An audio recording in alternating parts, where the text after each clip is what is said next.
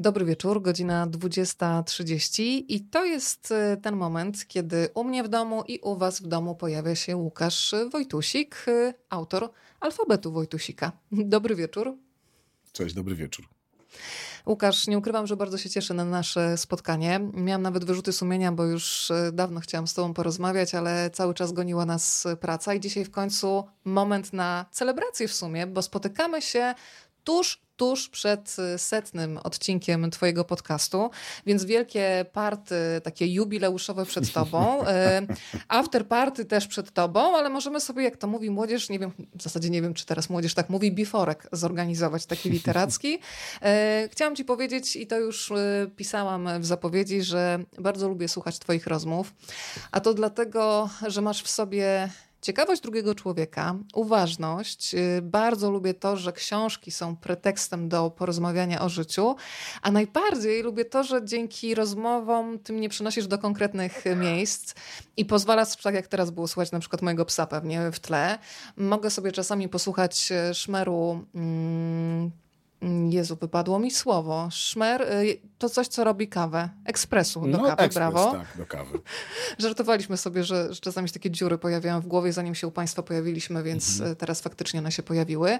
E, czasami to są dźwięki i rozmowy, czasami to jest przesuwana filiżanka i zaczyna się taki wielki teatr wyobraźni, czyli radio, więc y, z całego serca jako słuchaczka i fanka e, chciałam Ci pogratulować na dobry wieczór w zasadzie. Bardzo jest mi miło. Nie umiem odnajdować się w tak dużej liczbie komplementów, więc mogę tylko powiedzieć serdeczne dzięki. No to jedziemy dalej, żeby nie wprowadzać tutaj gościa w jakiś rodzaj zakłopotania.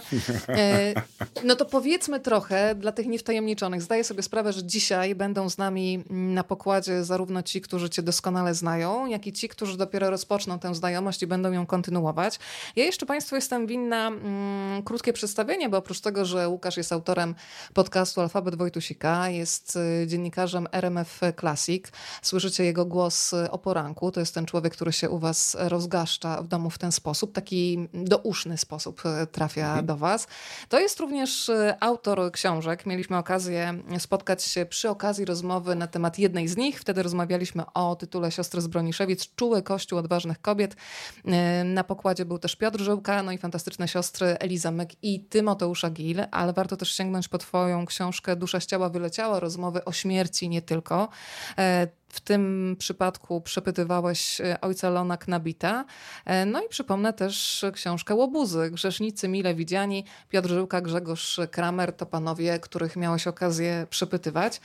Mm, no to powiedzmy, skupmy się na tym podcaście Wojtusika, dobra? Ponieważ powiedziałam, mhm. że setne wydanie tuż e, przed nami. Pamiętasz ten moment, kiedy zdecydowałeś, że bierzesz mikrofon, Zabierasz go ze sobą i zaczynasz wprowadzać słuchaczy do świata Twojego i Twoich rozmówców.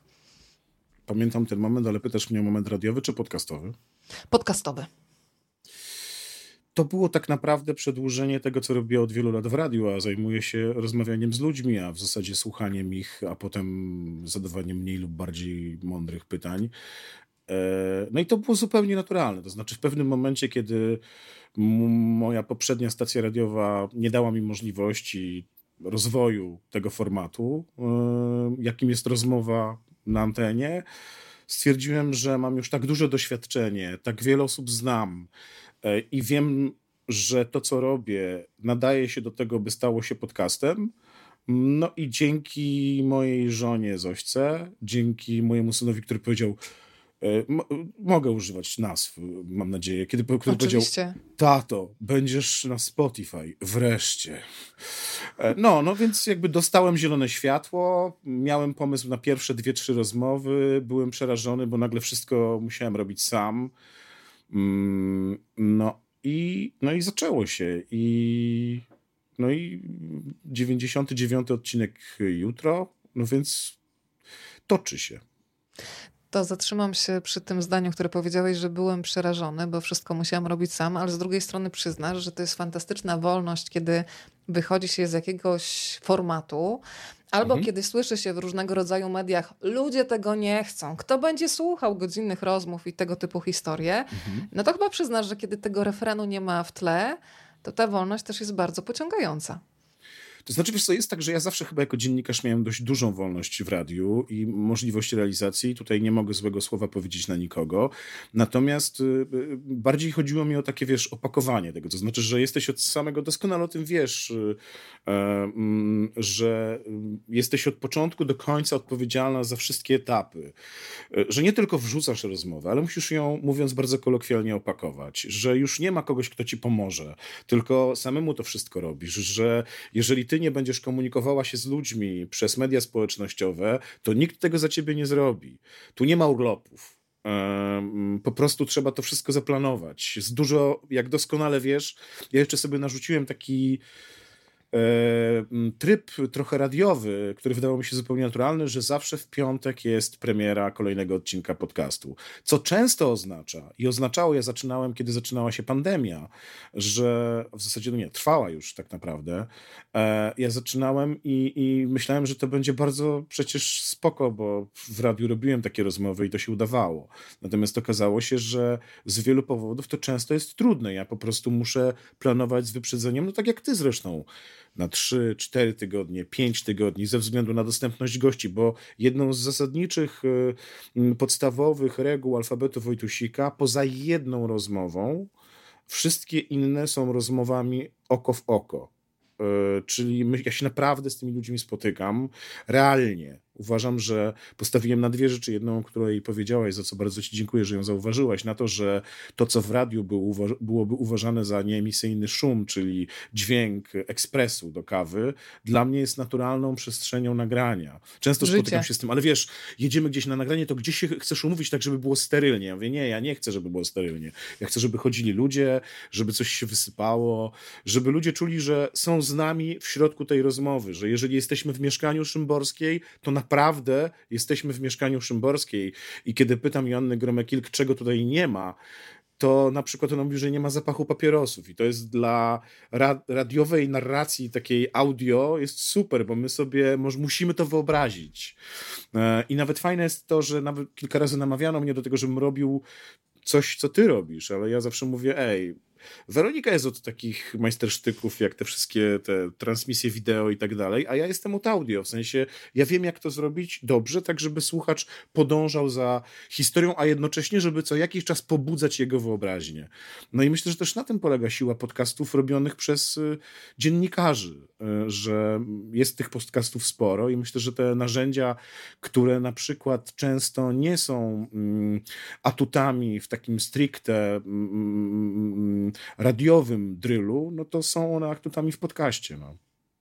Tak, powiem ci, że przypomniałeś mi taki moment, y, kiedy odeszłam z radia lata świetne temu i zostałam z takim i co teraz? I pamiętam, że wtedy mm. pierwszą taką reakcją było to, że chwyciłam za Zooma y, i pobiegłam sobie do zachęty i pomyślałam, dobra, zawsze sobie to mogę nagrać na mikrofon i ta radość, mimo że wiesz, masz już doświadczenie właśnie bycia takim reporterem, to jest chyba sedno tej roboty, więc y, tego ci zazdroszczę i bardzo ci gratuluję, bo to życie, które słychać w podcaście jest świetne.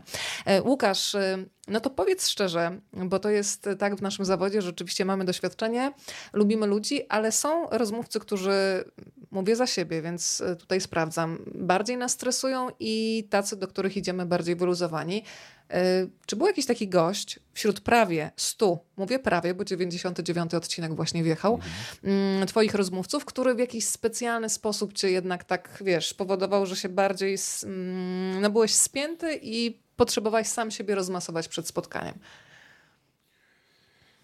To jest bardzo trudne pytanie, bo paradoks tej sytuacji w moim wypadku, nie będę tutaj ukrywał zbyt wiele, że sporą część ludzi, z którymi się spotykam wcześniej, w jakiś sposób poznaję.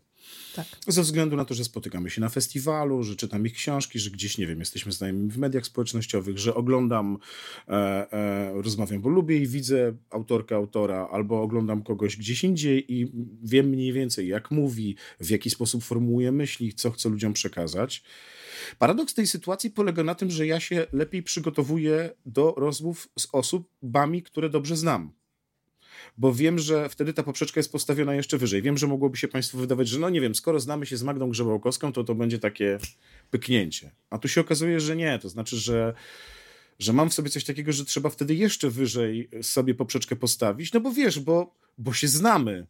Więc to jest trochę na zasadzie znasz już wszystkie moje chwyty, a teraz zaproponuj mi coś innego, nie? E, są takie rozmowy, które na pewno były dla mnie trudne z różnych powodów, nie wiem, tematu, tego, że na przykład, nie wiem, to była jakaś przestrzeń, na której wiedziałem, że się mało znam, a ja staram się jednak trzymać literatury, to znaczy trzymać się słowa.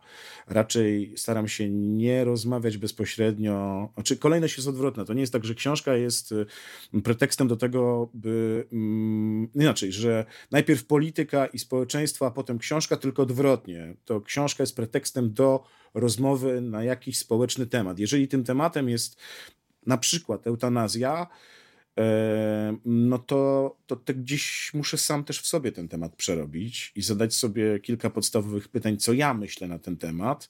Nie po to, żeby je wypowiedzieć w podcaście, ale po to też, żeby móc skonfrontować je z rozmówcą. Tym rozmówcą był Mateusz Pakuła. To chyba była jedna z moich najtrudniejszych rozmów, też ze względu na bardzo mocno osobiste doświadczenie, które opisuje sam Mateusz, które jest z kolei bardzo bliskie, zupełnie przez przypadek, tak się okazało, mojemu, blis mojemu doświadczeniu osobistemu, e, śmierci ojca. I, I to było coś, co było bardzo, bardzo e, no po prostu najzwyczajniej w świecie trudne, ale takich rozmów jest wiele.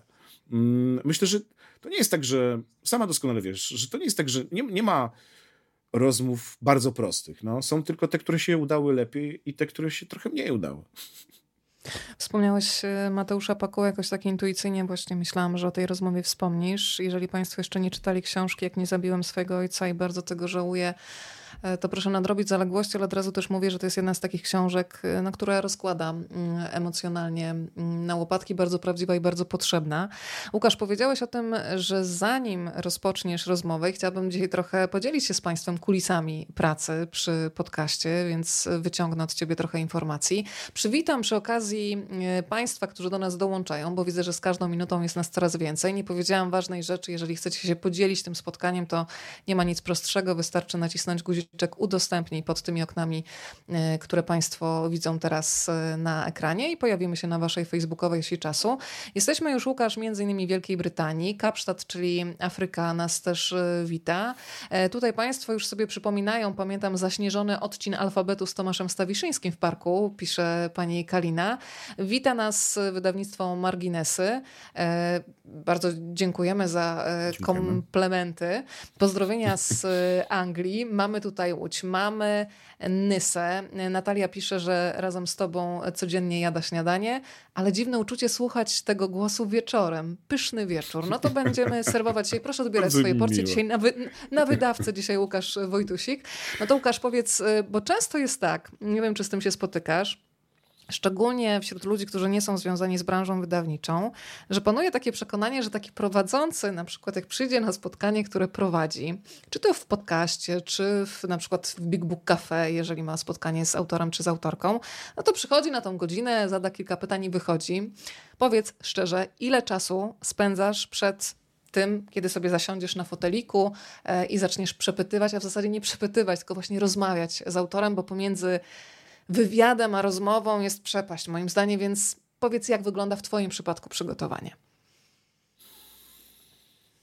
To jest bardzo różnie, ale nie ma schematu. Natomiast generalnie mm, jest to w ten sposób, że jeżeli już wiem, że nie wiem, e, jakiś temat, książka albo rozmówca wydają mi się ciekawi, e, bo to często jest taki miks tych czynników, no to po pierwsze czytam książkę to jest różne czytanie, bo czasami książka jest cienka, ale okazuje się, że jest bardzo treściwa i jak doskonale wiesz, nie da się jej połknąć w jeden wieczór, tylko trzeba ją czytać na raty.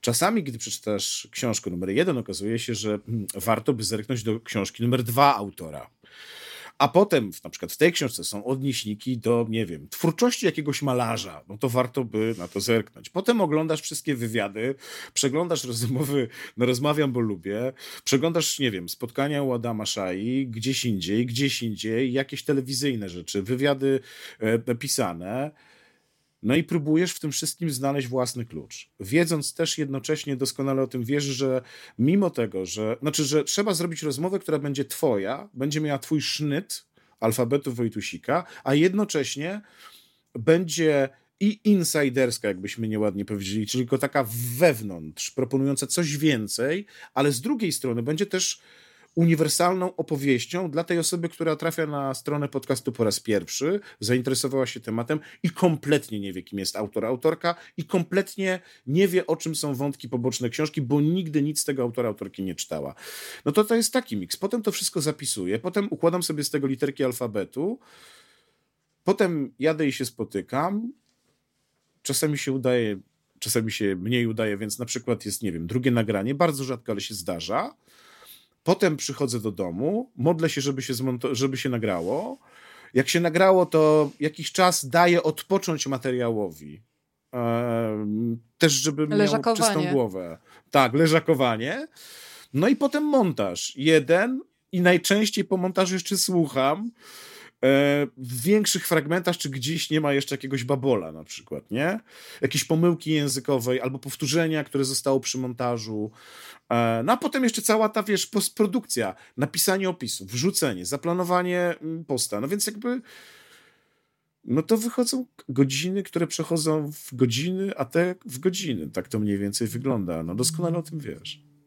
Łukasz, ale chciałam cię zapytać, czy miewasz takie momenty, bo to jest dla mnie za każdym razem zaskakujące, że będąc z gośćmi jestem w 100% tak jak ty zanurzona w rozmowie, a bardzo mhm. często, kiedy wracam potem do rozmów, to nagle odkrywam, to myśmy o tym rozmawiali, że odbierasz emocje, a czasami gdzieś na poziomie słów mam wrażenie, że dzieją się jeszcze odrębne rzeczy i wydaje mi się, że na mhm. przykład czegoś nie było, a potem patrzę, mhm. jest. I to jakieś rozgałęzione i meandrujące. Jakie ty masz odczucia?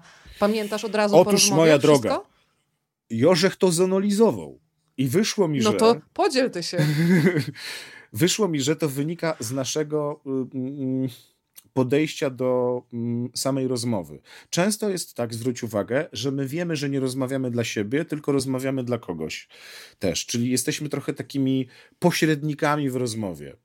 A tak. w związku z tym, że jesteśmy pośrednikami, często musimy też zadbać nad formą, żeby był początek, środek, rozwinięcie, zakończenie. Ja często mam tak, że osoba do mnie mówi, a ja myślę o tym, i wtedy mi najczęściej najwięcej rzeczy ucieka. Na przykład, w którą ścieżkę teraz pójść? To są mikrosekundy. I wtedy najczęściej mi uciekają fajne rzeczy, których później słucham i myślę sobie, kurde, cymbale, dlaczego nie dopytałeś? To było na wyciągnięcie ręki. Wystarczyło tylko się schylić. Wiesz, jak to jest? Dotykasz, nagle pojawia się ta pauza i ktoś mówi ci coś, czego nigdzie indziej nie powiedział. To nie chodzi o to, żeby na to grać, bo to też jakby my się nie ścigamy. Chodzi o to, żeby zrobić dobrą rozmowę. E, ale, ale myślę, że że często takie rzeczy po prostu przepadają. No być może inaczej by się pracowało, gdybyśmy, nie wiem, set spotkań, 10 spotkań, wiesz, wielki montaż i tak dalej, no ale to wtedy ja musiałbym produkować jeden odcinek na kwartał. Ja tak nie tak. umiem. Demotywowałoby mnie to. A powiedz szczerze, czy miewasz coś takiego, co nazywam wiróweczką myśli? Nawet mam taką metaforę pralki, która cały czas wiruje i nie może przestać, a ty mm. już chcesz rozwiesić to pranie, niech ona się suszy gdzieś tam najlepiej na świeżym powietrzu. Czyli skończyłeś dawno rozmowę, masz nową rzecz do przygotowania, górę książek, która na ciebie czeka, a ten młyneczek zaczyna krążyć. Mogłem zrobić to, mogłem zapytać o to i masz. Y, potrafisz. Pytanie krótkie. Czy ty potrafisz sobie odpuszczać z takim przekonaniem, że poprowadziłeś tę rozmowę najlepiej, jak potrafiłeś w danym momencie? Czy mężczyźni, pytam trochę w imieniu kobiet, bo kobiety mają takie, wiesz, zawsze coś do siebie jakieś ale. Miewasz takie, że a mogłeś tutaj, Łukasz, jeszcze zrobić coś. To powiem zupełnie szczerze, często do ludzi, z którymi rozmawiam, wysyłając im materiał, i to nie jest kurtuazja, mówię, mam nadzieję, że, że będziecie zadowoleni. I to nie jest czysta kurtuazja, ja po prostu wiem, że mogło być lepiej. Że zawsze są pytania, które można byłoby zadać głębiej, że zawsze można by było poruszyć jeszcze jakieś wątki. Czasami po rozmowie, w tak zwanym postscriptum, przy wyłączonych mikrofonach, pojawiają się jakieś tematy i ty już wiesz, że to już uploteczki w niwecz, że to uciekło, że to nie wróci.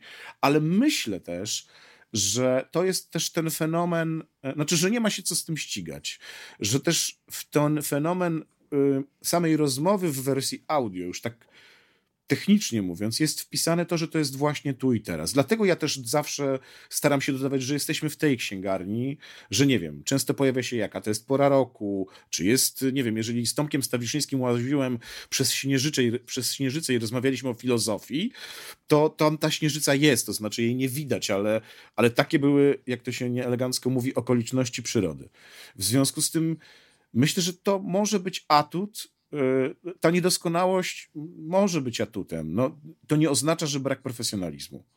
Na to staram sobie nie pozwalać, no bo też zakładam, że ludzie, którzy słuchają podcastu, słuchają i kolejnych odcinków, dlatego że wiedzą, że co tydzień dostaną rozmowę, która jest na jakimś poziomie. Wiadomo, czasami jest tak, czasami jest tak, ale jakaś średnia wychodzi z tego taka, że, że mam nadzieję, że to grono, które nie jest jakieś strasznie liczne, ludzi, którzy słuchają podcastu Alfabet Wojtusika, ale jest bardzo responsywne, tak bym powiedział. E, no jest też takie bardzo wdzięczne, bo ja jestem, staram się być w tym uczciwy. Powiedziałaś o tym trzymaniu poziomu. Ja teraz wyciągam taką wirtualną poziomicę, słuchaj. E, to, że alfabet Wojtusika trzyma poziom, zostało docenione nie tak e, dawno. Twój literacki podcast e, Alfabet Wojtusika w konkursie imienia redaktora Janusza Majki zdobył nagrodę Podcast Roku w kategorii mhm. Hobby, Pasja, Lifestyle. Mm, I może ja tutaj zacytuję uzasadnienie jury. Otrzymałeś tam nagrodę za intymność, za wrażliwość, za umiejętność przeniesienia słuchaczy w świat książek. Ta nagroda nagroda mm, przyznana przez profesjonalne jury to jest jedna, ale chciałam Cię zapytać o takie drobnostki, które dostajesz y, od ludzi, które są no, takim materialnym dowodem sympatii, które nie ukrywajmy, no po prostu niosą człowieka, który jest twórcą internetowym. Masz takie wspomnienia w głowie, na pewno masz, to się podziel po prostu. Hmm, czy mam. No, to jest, wiesz, to, to jest w ogóle strefa dźwięku. Więc no nawet tu się pojawiło coś takiego, że kojarzę pana z głosu, a, a teraz nagle w wieczorową porą człowiek, który w śniadaniu mistrzów jest w RMF Classic. Ale mm, często mam, coraz częściej mam, to jest bardzo miłe, że ktoś, nie wiem, w księgarni później e, e, po spotkaniu mówi słucham pana podcastu. Nie? Albo słucham twojego podcastu. Albo już ze dwa czy trzy razy zdarzyło mi się, e, że ktoś przychodzi na spotkanie nie tyle, że nie dla autora, ale żeby spotkać się też ze mną. I to jest w ogóle fajne. Znaczy, to jest chyba największe docenienie mojej pracy. Największym docenieniem mojej pracy, panie, panowie, szanowni, jest y, tak naprawdę to, że mam grupę ludzi, którzy ufają mi, odsłuchują te kolejne odcinki podcastu, którzy piszą, że nie wiem, podobało im się to, a ten odcinek to na przykład mogą jeszcze dopytać o to i to piszą do mnie w prywatnych wiadomościach oraz to, że mam ludzi, którzy y, od jakiegoś czasu ufają mi na tyle, że wspierają mnie na Patronajcie, na, mm, mm, mm, na bardzo wiele sposobów tak naprawdę e, i ufają, że to, co robię e, jest dobre i też w to inwestują, bo traktują to jako inwestycje w, no, w rozwój swój, ale także mój, a może nawet przede wszystkim mój, bo, bo dzięki temu ja mogę planować kolejne rzeczy. No więc jakby to są tego typu historie. To są, to są czasami, wiesz, takie miłe rzeczy, że zaczynam czuć na przykład też, że wydawcy chcą, żeby jakaś rozmowa z autorem pojawiła się u mnie w podcaście, dlatego że wiedzą, że to będzie że to będzie, wiesz, good quality, że to jest dobra marka i że to jest y, fajna rzecz. I, I tutaj doskonale wiesz, w tym biznesie nie ma kurtuazji. No i, y, i to też jest dla mnie wymiernikiem tego, że, że jest dobrze. No a ja po prostu muszę robić tylko jedno, swoje. Słuchaj, Państwo cały czas y, do nas tutaj piszą i komentują. Pani Beata zauważyła, że masz perfekcyjnie też ułożone książki w tle. Perfekcyjny rozmówca, ale i perfekcyjne ułożenie książek. No naprawdę muszę ci powiedzieć, że jest taki porządeczek, że mm, trochę tutaj zazdrość się we mnie budzi. Pomyślałam sobie, że przy okazji naszego dzisiejszego spotkania poobmawiamy sobie, ale oczywiście bardzo pozytywnie autorów, którzy Proszę. Mm, gościli w twoim podcaście. Ja sobie tutaj kilka nazwisk wypisałam. E, z ogromną sympatią myślę o Agacie Romaniuk. Powiem ci szczerze, że w tym roku to jest taka autorka, e, którą gdzieś dla siebie odkryłam, a ujęła mnie pod wieloma względami. Takim czysto ludzkim, jakimś ciepłym. Jeszcze nie umiem do końca tego rozpracować, ale Agata, nie wiem, czy słuchasz, e, bardzo jestem wdzięczna losowi, że jakoś nasze ścieżki skrzyżowały. Kiedy myślisz o Agacie Romaniuk, mm, no to co masz przede wszystkim w głowie? W podcaście Wojtusika rozmawialiście o książce Krótko i Szczęśliwie. E, to zresztą jedna z takich książek, która jeżeli Państwo potrzebują ogrzania serca, to jest chyba ten tytuł, po który warto sięgnąć, ale skupmy się na autorce. Co powie Łukasz o Agacie? Są tacy ludzie, z którymi się spotykasz i, i po trzech zdaniach wiesz, że możesz z nimi konie kraść. I to jest Agata Romaniuk. E, takich autorów i autorek jest trochę, to takich ludzi jest trochę. Ja tak mam, że albo z kimś od razu, albo wiem, że to jest tylko jakaś gra e, i gramy ze sobą jakąś grę mniej lub bardziej prawdziwą, to znaczy tak. nie mówię, że autorzy kłamią, żebyście Państwo mnie źle nie zrozumieli, ale jest to jakiś rodzaj przedstawienia. Zawodowego prawda? spotkania.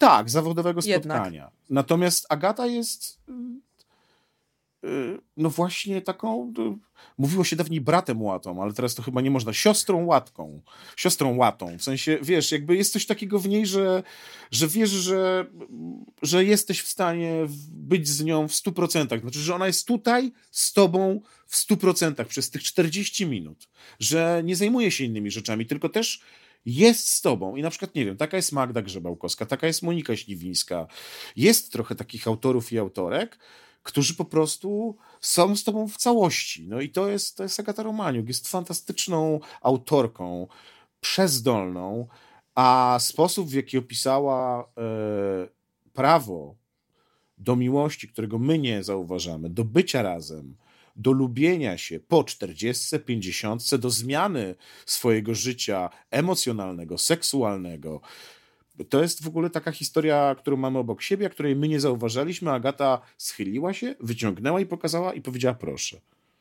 I taka jest ta I książka. Też i też wspaniałe jest to, że ona się gdzieś sama odsłania w tej książce, ale myślę mhm. o tym mhm. reportażu krótko i szczęśliwie, ale też o kociej szajce, bo to przecież pani wieczorynka.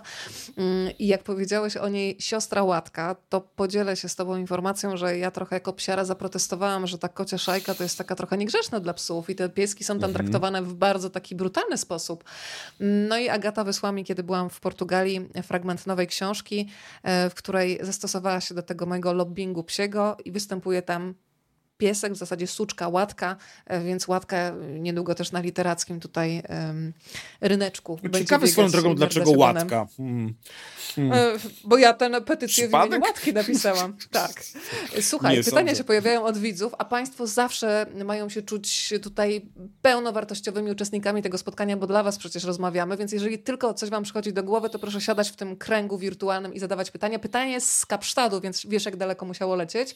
E, Eryk pyta, czy zdarzyło Zdarzyło się kiedyś, że był pan słabo przygotowany do rozmowy, bo nie było czasu, coś wypadło, a rozmowa musiała się odbyć.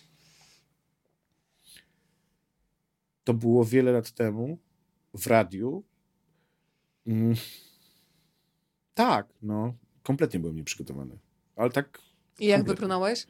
A pamiętasz, kto to był? Albo znaczy, może nie chcesz tak, mówić? Tak, oczywiście. To? Dobrze. Bardzo serdecznie chciałem pozdrowić e, Wojciecha Góreckiego, którego poznałem przy książce Planeta Kaukaz, opublikowanej wiele lat temu przez wydawnictwo Czarne w serii reporterskiej. Mm, napisałem do pana Wojciecha e, mail, że tam może się spotkamy, bo wiedziałem, że on będzie jakoś na wiosnę, to była zima mm, w Krakowie. E, nawet jakąś datę wstępnie ustaliliśmy. Ja zamówiłem książkę. No ale jakoś tak. Wiem, że rozstaliśmy się w takiej komitywie, że on, ja do niego napiszę, jak gdyby miał to potwierdzić i tak dalej, i tak dalej. No i przypadek trafił, ja zawsze od lat, no nie zawsze, od lat pracuję na poranki, czy też na porankach mm, radiowych, w różnych funkcjach pracowałem, ale jakoś tak się stało, że tego dnia koło 14 jeszcze byłem w radiu. No i ktoś przychodzi do newsroomu i mówi, ty Łukasz, ktoś do ciebie. No i w drzwiach stoi rzeczony Wojciech Górecki mówi, panie Łukaszu, bo ja tam za Aż 4 godziny to mam, e, 4 godziny to mam rozmowę w księgarni, no to tak pomyślałem, bo myśmy się umawiali, ale pan nie potwierdzał, a to jest blisko od dworca pana radio, to pomyślałem, że przyjdę i zapytam, no to jestem. I ja mówię, panie Wojciechu, ale ja przeczytałem tylko jeden rozdział z pana książki dotyczący tawady i toastów, jakie Gruzini w, w rodzinie wznoszą, że tam jest odpowiednia kolejność, że to jest pewien rytuał. Mm, I on mówi, dobrze, no to porozmawiajmy o tym jednym rozdziale. I zrobiliśmy rozmowę, nie jestem z niej zadowolony, ale chyba Wojtek Gorecki był, dlatego że później zaproponował mnie do współpracy z e, pismem New Eastern Europe i nawet mi się kilka recenzji dla nich udało napisać. Więc mm, to było wiele lat temu, ale do dzisiaj pamiętam to mm, mm, bardzo dobrze. Tak, no, zdarzają się takie sytuacje, kiedy wiesz, że jesteś słabiej przygotowana, dlatego na przykład często, jeżeli nie czytałem książek autorów, którzy średnio w roku publikują cztery powieści, to się za nie, nie zabieram, bo często raz mi się tak zdarzyło, że mm, nie powiem kto, ale pewna autorka książek gatunkowych miała premierę swojej książki i miałem prowadzić to spotkanie i wszystko było poustalane do momentu, kiedy autorka przyszła i powiedziała Panie Łukaszu, y, tylko pamięta pan, że nie rozmawiamy o mojej książce tej najnowszej. Ja mówię, ale jak? No przecież premiera pani książki. No ale wie pan, no to tutaj czytelnicy właśnie to czekają. A ja mówię, no to o czym możemy porozmawiać? No o tym zarysie, co jest na tyle książki, fabuły i tyle. Ja mówię, to o czym będziemy rozmawiać? O życiu. To są takie rozmowy, których ja najbardziej nie lubię, bo wiesz, nie masz się czego uchwycić. No to trochę tak jakby co u ciebie? A na Wigilię to barszczyk czy żur, nie? No, ale jakoś poszło. Wiadomo, że masz te przez lata doświadczenia masz te 20 pytań w puli, które zawsze możesz zadać, tylko wiesz, że to jest trywialne, nie? No, także tak, zdarzają się takie sytuacje. Nie jesteśmy idealni. Też jesteśmy ludźmi, jesteśmy zmęczeni. E, czasami, nie wiem, nie doczytamy czegoś tak dokładnie, a potem na spotkaniu okazuje się, że to było najważniejsze zdanie dla autora. Albo najważniejsza fraza. Doskonale wiesz, no, to jest takie też mm, taka fraza nauczycielska, akademicka, prawda? Jak zapewne pan czytał w mojej książce na stronie 432 jest taki akapit i tam jest to clue tej powieści. No przecież to jest oczywiste, panie Łukasz. Panie Łukaszu, to muszę pana zapytać jeszcze, tutaj pojawiło się pytanie od e, Ewy, mm, którą mhm. pewnie znasz.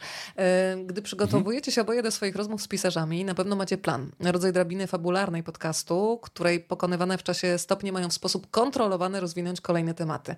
Czy mhm. zdarzyło się kompletnie zmienić scenariusz rozmowy podczas programu, pójść w kompletnie inną stronę? Łukasz mi się zdarzyło tak, bo, bo ponieważ. Ponieważ alfabet Wojtusika ma taką konstrukcję, od tego wyszedłem, że ta róż, jedna z różnic to będzie taka, że na podstawie tych wszystkich rzeczy, które przeczytałem, których się dowiedziałem, które zanotowałem, na końcu wypisuję sobie naprawdę literki alfabetu i do nich doporządkowuję hasła. Ja nie pracuję na konkretnych pytaniach, pracuję na zagadnieniach. A, i zdarzyło mi się chyba ze dwa czy trzy razy w odcinkach, że miałem taki moment, kiedy mówiłem, dobra, wybierz sobie literkę. No i wtedy tak naprawdę nie ma schematu. E, ja się staram, tak zupełnie szczerze, Ewo, wiesz o tym doskonale, słuchać swoich rozmówców. Mam szkielet, ale on nie jest. Yy, budowlą, której nie można zburzyć. Czasami warto to rzucić i pójść swoją drogą, a mogę to robić dlatego, że to jest mój podcast i kto mi zabroni? Nikt. Bo bardziej wartościowe rzeczy czasami są, e, wydaje mi się, ważne. Jedyne, czego unikam, to na przykład pójścia w politykę, bo polityką się brzydzę i ona mało mnie interesuje, chyba, że jest to kontekst społeczny, tak? Czyli nie wiem, poruszamy ważny mm, temat, y, nie wiem, jak choćby osoby w kryzysie bezdomności, kobiety w kryzysie bezdomności, albo omawiana już wcześniej eutanazja. E, więc jakby, jeżeli to są tego typu tematy, to nie da się obejść bez polityki. Jeżeli rozmawiam o książce Ani Goc zatytułowanej Głusza i tam się pojawia problem nieprzystosowania systemu edukacji do edukacji osób, które mają uczyć osoby głuche, a nie potrafią e, migać, to znaczy nie znają polskiego języka migowego, no to ja muszę zadać to pytanie, ej, to gdzie jest problem? Znaczy jest to też przełożenie na politykę tego kraju dotyczącą tego bardzo konkretnego zagadnienia. E, to ja jeszcze się odniosę do tego, ponieważ to było podwójne pytanie do nas, więc ja tylko powiem, że ja mhm. uwielbiam iść za taką sytuacją, kiedy się pojawia wzruszenie albo na przykład cisza. Mm. I bardzo się pilnuję, bo taki odruch szybki radiowca jest taki, żeby ją zagadać, no bo cisza na antenie to jest panika, ale jak ta cisza wybrzmi, to czasami cisza oznacza więcej niż, niż, niż te słowa. E, I to przygotowanie jest fajne, ale chyba naj, piękniejszy jest ten moment, kiedy się puszczasz tych wszystkich kartek i idziesz za. Nie wiem, czy masz takie doświadczenie, ale czasami y, ja coraz częściej działam trochę jak dziecko, czyli pojawia mi się w głowie czasami jakieś absurdalne pytanie, głupie by ktoś powiedział z boku, i mam takie mikrosekundy, zadać je czy nie, a dobra, zadam. I czasami ta głupotka powoduje, że ten ktoś nagle się otwiera, był spięty, bo byliśmy na takim poziomie, wiesz, mądrej rozmowy na temat życia i książek, a nagle ta drobnostka powoduje, że, że ktoś ci się totalnie otwiera, więc chyba nie ma głupich pytań, co? Pamiętasz jakieś swoje najgłupsze pytanie? Najgłupsze pytanie. Nie, chyba nie, chyba nie, nie, nie. nie teraz będzie, to będzie ten, wiróweczka, puściłaś właśnie wirówkę w tak. ruch, skończymy ten program, tą, e, tą rozmowę, przypomnę. a ja o 24 nie będę mógł zasnąć, Zadzwonisz bo nie odpowiedziałem ci na pytanie. Tak, napiszę w komentarzu. Ale nie, nie, Słuchaj, chyba to... najgłupsze pytanie. Nie zadałem bardzo wiele głupich pytań, ale wiesz co, to jest taka jest, w, jeżeli szczególnie jesteś u kogoś w domu i wkraczasz w nową przestrzeń, co się czasami zdarza, to te pytania w stylu, a co to jest? A dlaczego to tak wygląda? Trochę o tym Mariusz Szczygieł, taka naiwność dziennikarska, nie? To znaczy, tak. że jesteś przygotowana, ale zadajesz pytania tak, jakbyś w ogóle nie wiedziała, o co chodzi, nie? A jaki piękny kubek, skąd go pani ma, nie? E, to często Od otwiera. dostałam. Ja też mam. Słuchaj, ja ostatnio, nie powiem w jakiej sytuacji, ale siedziałam e, z kolegą, z którym rozmawialiśmy i w trakcie rozmowy patrzyłam e, na niego i zobaczyłam, że ma przepiękne, długie rzęsy. I w ogóle myślę, nie, no w ogóle o czym ja teraz myślę? I po tej rozmowie powiedziałam, słuchaj, może to jest idiotyczne, co teraz powiem, ale masz takie piękne, długie rzęsy. I on zaczął się śmiać, kompletnie rozbroiliśmy sytuację, pozna poznawaliśmy się dopiero. I mówi, wiesz co, no, no podobno mam długie i fajne, ale brudzą mi się przez to okulary, wiesz. I jakiś taki absurdalny dialog, a nagle z takiej sytuacji, nie wiem, oswajania się ze sobą, te wszystkie lody od razu minęły. Mm. Kolejne pytania się powoli e, pojawiają, bardzo się cieszę, więc proszę się tutaj mm, nie hamować w żaden sposób. A ja się odwołam jeszcze do takiego pytania, bo sobie zaznaczyłam, e, słuchałam Twoich e, podcastów, nie wszystkich 99, ale znakomitej większości. I bardzo często myślałam, o, tego autora czy tę autorkę chciałabym jeszcze poznać. Powiem Ci, kogo bym chciała poznać, ale to jest Twój wieczór, więc jestem ciekawa, bo wiesz, no książek się wydaje mnóstwo.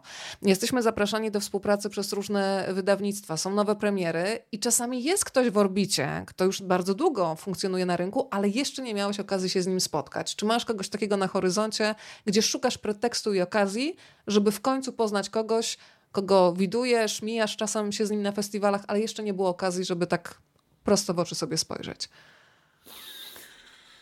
Chyba muszę odpowiedzieć, odpowiedzieć trochę ci dookoła. To nie znaczy, że nie szczerze. Ja, wiesz co, mam dużą przyjemność, że myślę, że 90% osób, które mnie interesują, są dla mnie osobami dostępnymi.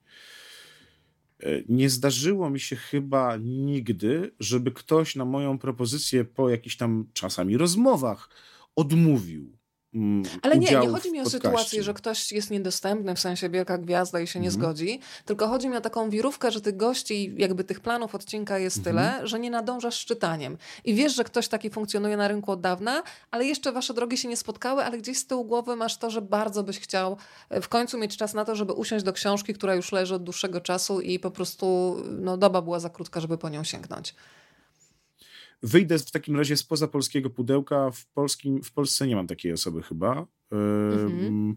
Ja nie, oczywiście nie mówię o takich osobach jak, nie wiem, Szczepan Twardoch, Olga Tokarczuk. Ja wiem, że no, wiesz, to jest też pewna polityka. To znaczy, można by sobie zrobić tak, że dobra, teraz postawię wszystko na jedną kartę i będę pół roku warował albo rok i może zrobię kiedyś rozmowę z Olgą Tokarczuk, bo może ktoś tam się zgodzi. Tak? Mhm. Byłbym przeszczęśliwym człowiekiem, ale nie jest to credo istnienia samego podcastu. Kiedyś wyjdzie, to wyjdzie. Taką mam zasadę, po prostu.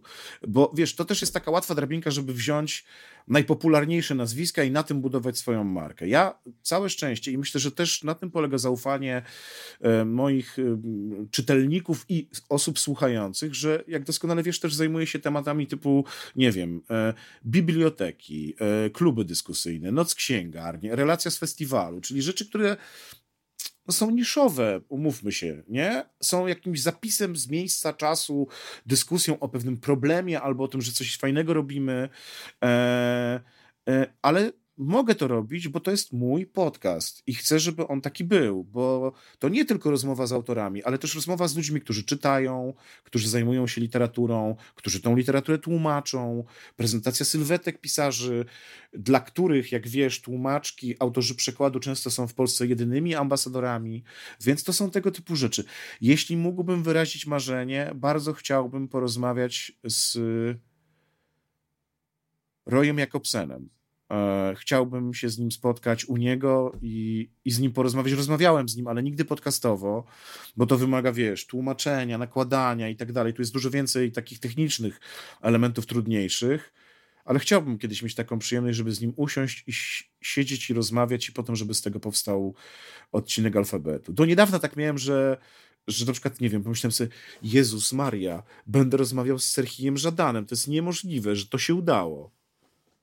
I nagle się to udało. Ja, to muszę ci powiedzieć, że ja sobie dzisiaj stworzyłam listę alfabetu Wojtusika i pomyślałam sobie, że takim autorem, o którym myślę już od dłuższego czasu, ale cały czas nie mam tego momentu na spokojne zanurzenie się w książce, mm. jest Maciej Siembieda, bo on cały czas w tej konstelacji przecież funkcjonuje i to już od tylu lat. Tak zwana fantastyczna marka i research, jaki on robi do książek, jak to jest świetnie osadzone, o czym wszyscy opowiadają, jest głęboki. Zresztą bardzo ciekawa wasza rozmowa na temat Gdyni, między innymi, rzecz jasna. Trochę szemranej, trochę nieszemranej. Ale powiedz, y, Maciej się bieda dla niewtajemniczonych, bo ja sobie zapisuję to nazwisko na rok 2023, mhm. żeby w końcu znaleźć pretekst y, do spotkania. Mm, takie pierwsze trzy cechy, które ci przychodzą do głowy, kiedy pada to nazwisko, to... Perfekcjonista, dziennikarz, znakomity, ciągle jeszcze w Polsce, moim zdaniem, niedoceniony pisarz. E, świetny warsztatowo, mogę dalej, długo. E, Możesz. Jest to, jest to, nie chcę mu za bardzo kadzić, ale e, wiesz, to czego często mi brakuje, to połączenie talentu pisarskiego i rzetelności. Na polskim rynku mm, książki gatunkowej tych pozycji jest coraz więcej. Nagroda wielkiego kalibru jest tego najlepszym dowodem, że rzeczywiście ten, ta selekcja, czy też preselekcja odbywa się już na poziomie kilkuset tomów. A, a Maciej z tomu jest lepszy. Ma 30 chyba kilka lat doświadczenia dziennikarskiego, więc spora część z tych historii, po prostu to są historie, które gdzieś tam trzymał w szufladzie swojej dziennikarskiej. Ja go nawet przy jednym z odcinków takiej osobnej książki, nie cyklu o Jakubie Kani, czyli przy Katarzji, spróbowałem złapać na takich drobnostkach, pytając go o historię Greków i nagle okazało się, że powojenną, po II wojnie światowej, tak. że tam, nie wiem, on coś opisuje, albo czy, czy, no, czy w, w jakimś tam mieście, chyba w Gdyni, tak, w, czy w Gdyni w latach dwudziestych grasowali tacy, e, e, wiesz, e, takie gangi jak w gangach Nowego Jorku. I on mówi, tak, sprawdziłem to tu, tu, tu, byłem tu w archiwum. Wiesz, no trzeba mieć tupet, żeby zacząć swoją opowieść od, y, w najnowszej jego powieści Kołysanka, od tego, że e, prokurator Jakub Kania trafia do, mm, na Śląsko-Polski i tam e, rusza tropem zdjęcia z 45 roku, na którym są przedstawiciele NKWD oraz Aram Hachaturian. No gdyby tego zdjęcia nie widział i gdyby tam na tym zdjęciu go nie było i gdyby to nie był mm, e, Śląsko-Polski, to, to, no to nie byłoby historii. Tymczasem okazuje się, że tam wszystko u niego jest bardzo mocno przemyślane i to nie idzie w ilość, tylko cały czas jest jakościowo i to jest bardzo, to się po prostu świetnie czyta, no. No to tym bardziej e, taki, wiesz, stopień mm, priorytetowy teraz tutaj nadaje e, temu spotkaniu. Mam bardzo Ci dziękuję. Dobra, to ja, to ja przejmę. Ja bardzo lubię też to, że o tym wspomniałeś e, przed chwilą, że pozwalasz czytelnikom też zajrzeć do wydawnictw, bo to jest szansa na to, to żeby poznać ludzi, którzy stoją mhm. za konkretnymi tytułami, promotorów książek, redaktorów i zatrzymajmy się na chwilę przy redaktorach, którzy sami zostają autorami. Rozmawiałeś między między innymi z Danielem Lisem. Y, zróbmy mhm. taką esencję tego spotkania. Teraz tutaj tak naprawdę podsycam apetyt, żeby Państwo sobie kontynuowali później te spotkania i sobie mhm. zapisywali, od którego y, odcinka podcastu Alfabet Wojtusika zacząć. Y, Daniel Lis, też bardzo ciekawa postać i bardzo doświadczony redaktor.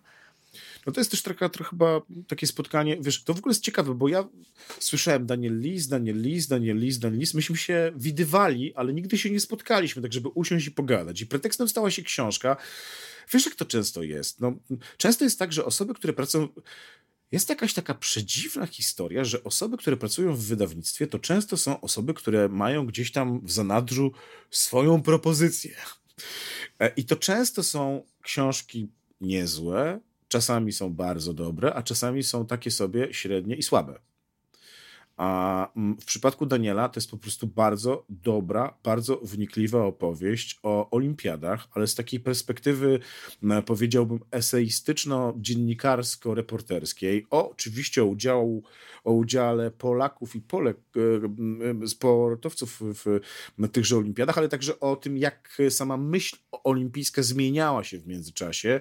Daniel no Daniel jest erudytą w tym temacie. Rzeczywiście jest to jego konik, to jest coś, co go interesuje, ale to nie jest opowieść stricte sportowa. To jest też opowieść bardzo mocno umiejscowiona, wiesz, w czasie, mm, konkretnym czasie. No wiadomo, że Monachium, z Monachium mamy bardzo trudne skojarzenia e, z Olimpiadą. E, bardzo mamy, e, nie wiem, wiele skojarzeń z innymi sukcesami. Mm, teraz będzie o sukcesach Polaków na różnych Olimpiadach, ale on pokazuje to w innym kontekście. To znaczy, na przykład współcześnie mm, pokazuje to w kontekście pewnej wolności wypowiedzi, wolności deklaracji, na przykład osób nieheteronormatywnych. Czy, i, i, I temu się przygląda. I, I robi to erudycyjnie, ciekawie, ale nie przegaduje też tematu. I to nie jest książka tylko dla frików sportowych. Nawet powiedziałbym, że przede wszystkim nie dla nich. I, i dlatego ja czytam takie rzeczy. A samo spotkanie w księgarni e, Smak Słowa Sopockiej, e, ulubionej mojej księgarni prowadzonej przez Anię i Szymona, e, których uwielbiam, no to jest czysta przyjemność, wiesz, siadasz i czujesz się trochę jak w domu, no. Jesteś w obcej przestrzeni księgarni kameralnej, ale, ale, ale wiesz, że tam też wszystko z tobą gada, no. Drodzy Państwo, jeżeli ja czasami zerkam w bok, to dlatego, że tutaj widzę Państwa pytania, nie że coś mnie rozprasza regularnie, więc już e, biegnę do pytania od Zuzy, która nas ogląda na YouTubie. Mm, pytania, zagadnienia do rozmówców przygotowujecie na papierze, czy wszystko już w formie elektronicznej? Redaktorze Wojtusik, jak to u Pana jest? To się zmienia. To znaczy, na początku miałem taki bardzo duży zeszyt i naprawdę na nim były wypisane rzeczy od A do Z. Pierwsza strona notatki, druga strona takie krótkie bioautora i potem już tylko hasła. Teraz to się zmieniło z bardzo prostego powodu, ponieważ, yy, jak powiem elegancko, ze względów lokalowych yy, niestety nie jestem już w stanie przyjmować na klatę tylu książek. Do domu w ciągu jednego miesiąca. W związku z tym, jeżeli decyduję się na jakąś książkę i rozmowę, to często tą pierwszą książką, która do mnie trafia, jest książka w formie PDF-u. Do tego używam czytnika mm, takiego no, multimedialnego, w związku z tym mogę jednocześnie czytając robić notatki. W związku z tym spora część tych notatek jest już y, elektroniczna. Ze dwa razy mi się zdarzyła taka sytuacja w życiu, naprawdę, że poszedłem na spotkanie i zapomniałem kartek. I to był koniec. Znaczy prawie koniec. No wiesz o co chodzi. Stan przyzawałowy, z którego trzeba wybrnąć. Znaczy nie no, jakoś poszło, nie? No, to trochę jak z Wojtkiem Góreckim, ale to nie chodzi o to, żeby jakoś poszło, bo to też jest tak, doskonale o tym wiesz, że jak zrobisz jedną słabą lub bardzo słabą rozmowę, to będzie o tym głośniej niż jak zrobisz 10 dobrych i bardzo dobrych. No, no tak ta, ta branża działa. Natomiast rzeczywiście mam, mam to podzielone, to znaczy rzeczywiście część rzeczy, na przykład na festiwale najczęściej przygotowuję się w formie papierowej, wtedy ja w ogóle piszę piórem. E, nie robię notatek, jeżeli robię, o, jeżeli robię notatki, to nie robię ich e, w formie klepanej, tylko robię je na, mogę powiedzieć, na iPadzie mam piórko i piszę. Po prostu wszystko jest w formie pisanej. Nie mam, nie mam formy drukowanej. To ja niestety sporo drukuję. Dzisiaj nawet taki ogromny karton właśnie. Musiałam się z nim rozstać, bo musiałam zrobić przestrzeń na nowe. Pytanie od... Tu mi pan Piotr mignął. Panie Piotrze, gdzie pan jest? Jest pan Piotr. E, czy jako dziennikarz doświadczony w temacie książek mógłby pan rozwinąć frazę ludzie piszą książki, ponieważ... No tutaj faktycznie jest dużo różnych motywacji, prawda? Nie wiem, trzeba zapytać ludzi, którzy piszą książki. Ja nie napisałem żadnej książki, więc nie wiem. E, No, jak nie napisałeś żadnej książki, proszę Nie, cię, ja no. tylko roz, przeprowadziłem rozmowy, które są zapisane w formie książki, ale nie napisałem, nie wiem, fikcji literackiej. Nie wiem, nie wiem, jakie to jest uczucie. Nie wiem, po co się pisze książkę. Ale z obserwacji, bo wiesz, y, jak... ym, Chyba możemy wyróżnić takich autorów. No są autorzy, którzy piszą i traktują to niestety jako taką formę no, chyba trzeba nazwać rzeczy wprost. Są tacy autorzy, którzy po prostu produkują, tak jakby produkowali, nie wiem, kubki plastikowe, że to po prostu Mhm. musi się ilość zgadzać.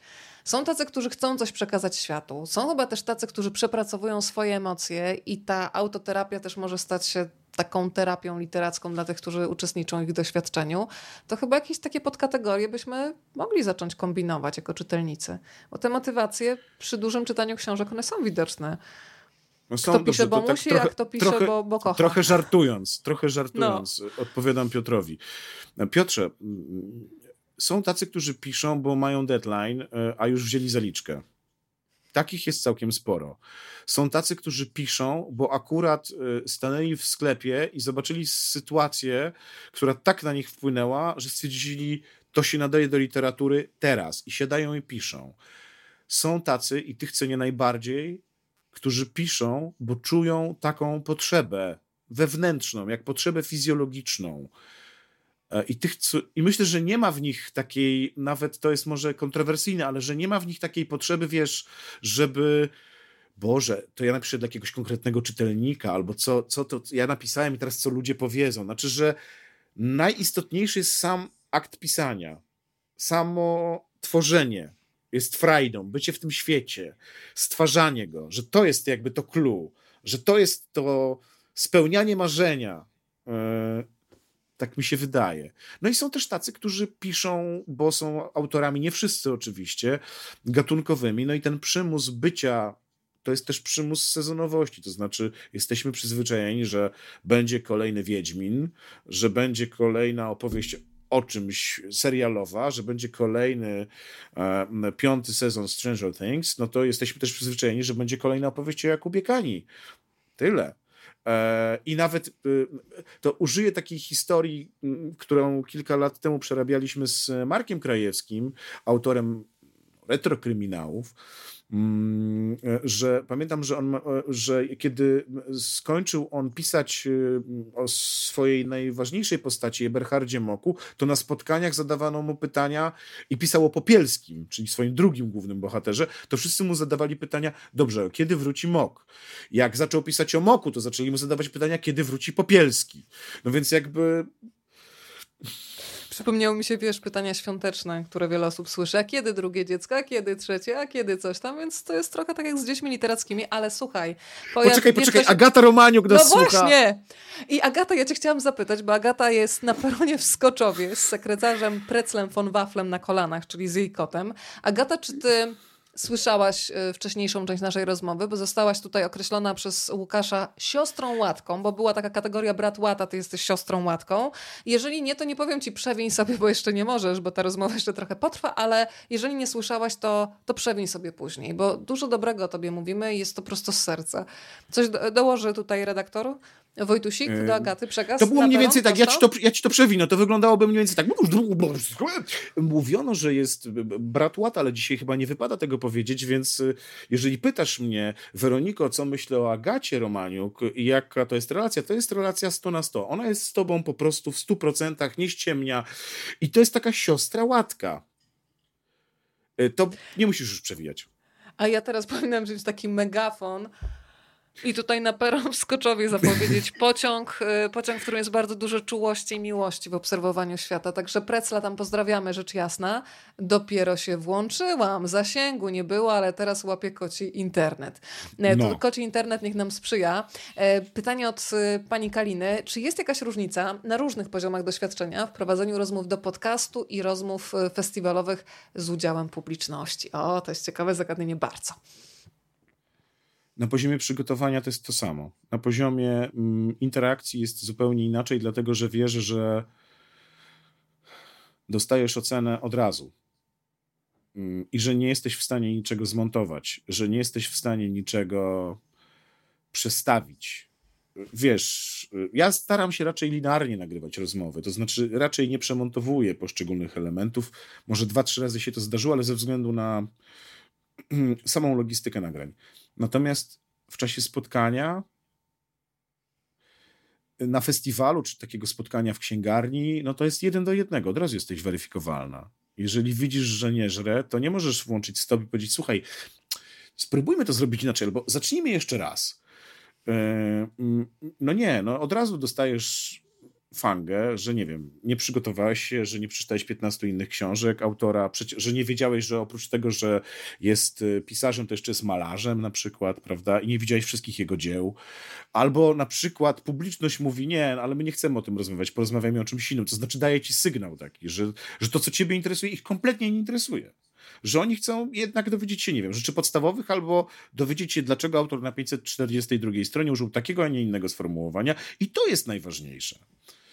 Albo, że na przykład tak jak pani pisze, że Śląsk Cieszyński, przepraszam, że Śląsko-Polski, że tak, że Śląsko-Polski nie istnieje. Znaczy, pisała, że, tak. Tak, mhm. tak jakby, no, no, i to są bardzo poważne sprawy.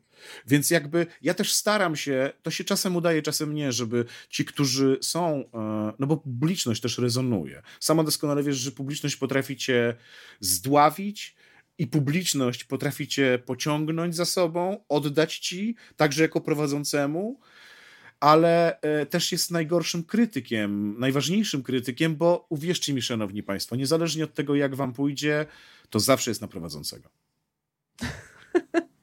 Słuchaj, jak mówimy o takich e, spotkaniach pełnych wrażliwości, to przyszło mi do głowy Roxana Jędrzejewska-Wróbel, która powiedziała mi to są takie zdania, które w nas zostają, bo chyba się zgodzisz, że się składamy ostatecznie z opowieści, które ludzie nam przekazują. I ona mówiła, że kiedyś taki mały chłopiec mm, podczas spotkania z nią y, opowiedział jej sen że gonił go potwór mm, i on zaczął uciekać i nagle zobaczył gdzieś Boga, który ma mu pomóc i nagle dobiegł do tego Boga i okazało się, że ten Bóg jest skałą. I kiedy ona mi to powiedziała, to ja miałam aż wiesz co ciarki, no i zapytałam Roxanę, co w takiej sytuacji można w ogóle dziecku odpowiedzieć, bo to na poziomie takim metaforycznym jest bardzo głębokie, że czasami no, chcesz się chwycić jakiejś ostatniej deski ratunku i okazuje się, że trafisz na skałę. I ona powiedziała, że też ją na chwilę zmroziło, ale powiedziała temu chłopcu, że wiesz co, czy ty się obudziłeś z tego snu, czy go dośniłeś do końca? No obudziłem się to wiesz co, spróbuj dopisać jakiś pozytywny koniec tej historii. Mm. I dużo, wiesz co, było takich momentów, e, takich wzruszających. Ja pamiętam też takie spotkanie na temat śmierci, to znowu było z Roxaną, e, kiedy użyłam takiego sformułowania i bardzo jestem wdzięczna za, za odzew ze strony publiczności, że cieszę się, że publiczność jest w miarę dorosła, więc możemy trochę głębiej wejść w ten temat. I po spotkaniu podeszła do mnie fantastyczna pani, zresztą do dzisiaj mamy kontakt od czasu do czasu i mówi, wie pani co, ale jak są dzieci, to też o tym warto rozmawiać. I podzieliła się taką historią, że jej dziecko straciło tatę, dziecko kilkuletnie, i że ta dziewczynka tak bardzo chce o tym rozmawiać, a jednocześnie wszyscy chcą ją schować pod klosz, więc, więc ona nie może nigdzie znaleźć swojego doświadczenia. Mhm. I to mi pokazało, jak bardzo ważne są takie, te, ten poziom zaufania, kiedy ktoś przychodzi do ciebie, żeby podzielić się refleksją. Ja to już zapamiętam na zawsze. E, więc taka szczerość z państwa strony to jest e, coś niezwykle, niezwykle e, ujmującego.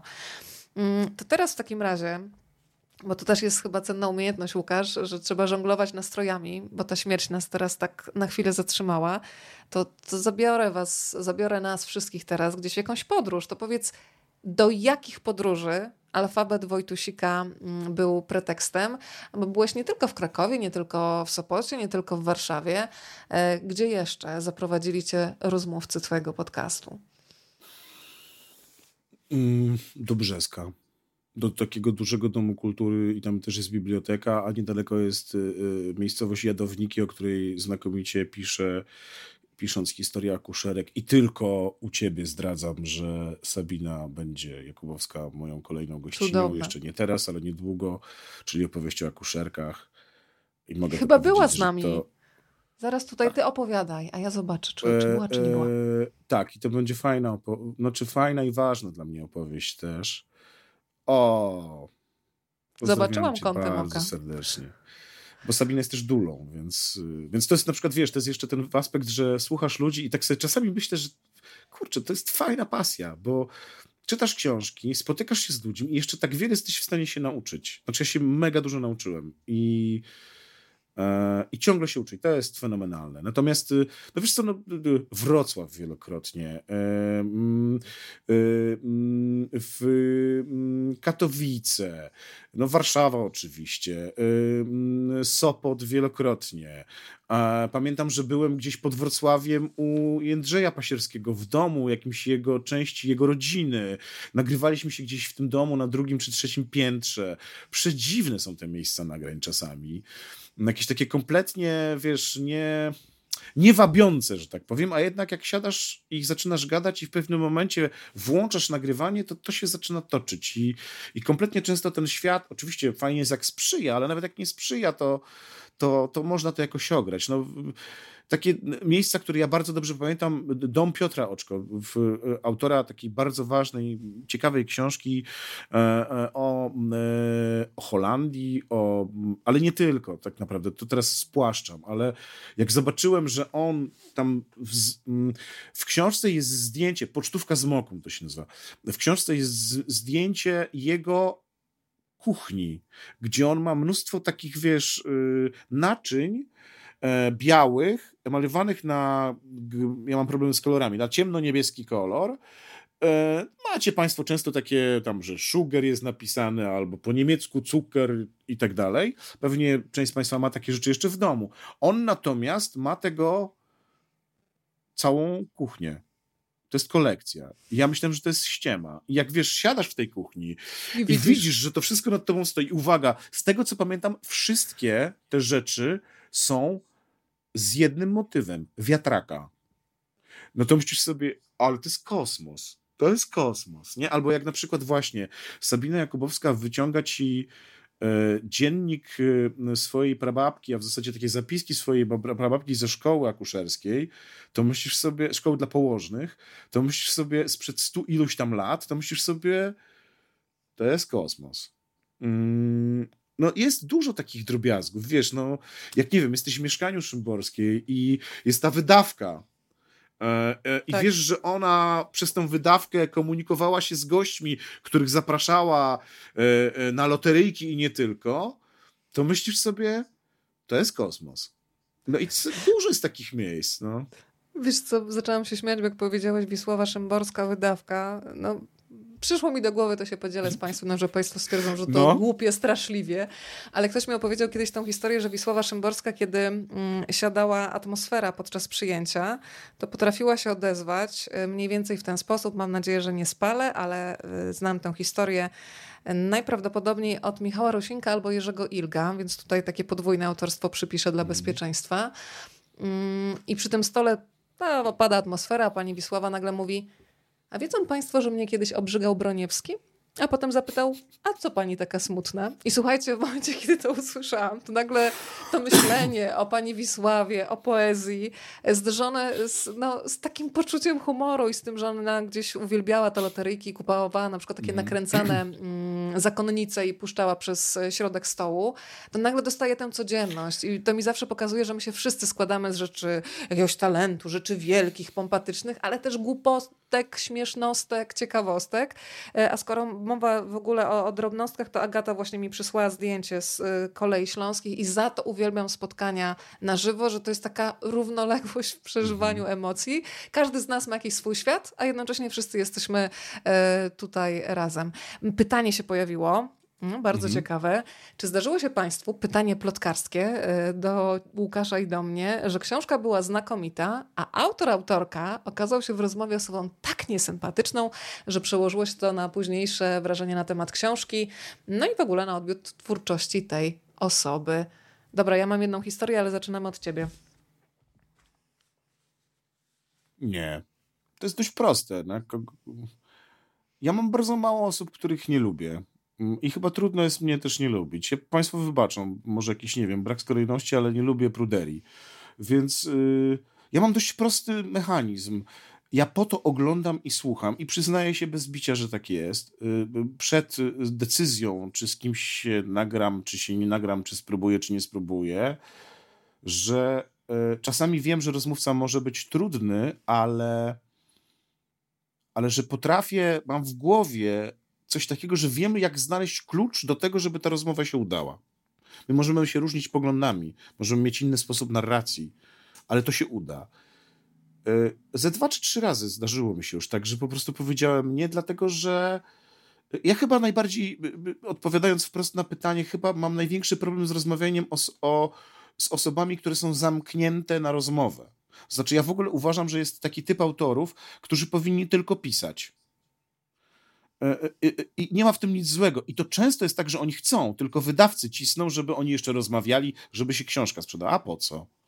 Ja rozumiem ten typ pisania, że ktoś napisał i w ten sposób wypowiedział się na ten temat, na który chciał i nie chce wypowiadać się winno, tylko że żyjemy w takim świecie, że to jeszcze trzeba opakować, nie? I niewielu jest takich autorów, którzy są w stanie na to sobie pozwolić, by nie istnieć w social mediach, a jednocześnie być popularnymi i czytal... poczytalnymi, tak? No więc myślę, że, że nie, to znaczy, czy ma na mnie wpływ? Nie. Literatura jest dobra, doskonale Elizo wie, że jest dobra albo zła i to jest proste. W sensie albo cię to kręci, albo cię nie kręci nie ma chyba innej kategorii. To jest kategoria bardzo subiektywna. Ja się nie zamierzam sprzeczać, że komuś się coś podoba, mi się nie podoba. Natomiast y, ze dwa, trzy razy mi się zdarzyło prowadzić spotkanie z autorem, który był no, w jakiś sposób, nie wiem, niemiły, uszczypliwy, pokazywał dominację, że on wie więcej, bo on przecież. Umówmy się, Weronika, doskonale Państwo, może też, nie wiem, macie to przeczucie, ale ja y, zapewniam Was, że każdy autor daje prowadzącemu pewien kredyt zaufania. Tak musi mu dać, bo każdy autor jest w stanie udowodnić swojemu rozmówcy, że nie przeczytał on książki w sposób adekwatny do jego oczekiwań. To znaczy, ja mam takie przekonanie, że autor czy autorka zawsze są cię w stanie przyszpilić. To jest tylko kwestia czasu. No tylko pytanie jest zawsze po co? I ci, którzy to wykorzystują, a takie przypadki miałem dwa czy trzy, no po prostu z nimi nie rozmawiam, bo szkoda czasu. No, jest bardzo wiele innych fajnych rzeczy, które można robić. E, jest wiele innych fajnych podcastów, wiele innych fajnych formatów e, w mediach społecznościowych, w których ci autorzy sobie zaistnieją. Ja nie mam takiej potrzeby. Ja chcę rozmawiać z ludźmi, którzy chcą ze mną rozmawiać. Bardzo Tyle. dobre podejście. Mm, ja pamiętam jedno takie spotkanie, mm, nie na temat książki, a na temat e, filmu w studiu telewizyjnym. Było to przedziwne doświadczenie, ale doszliśmy już do takiej fazy kontry, że miałam wrażenie, że jakiegokolwiek mhm. pytania nie zadam, to, to zostanie ono storpetowane. I wiesz co, żałuję po latach jednej rzeczy, chociaż ja po latach doszłam mm, do czego, dlaczego ktoś był tak nastawiony do mnie, a nie inaczej. Ja po prostu weszłam na czyjeś miejsce do pracy. No zawsze się wchodzi na czyjeś miejsce, a ta osoba była zaprzyjaźniona z poprzednim prowadzącym czy prowadzącą.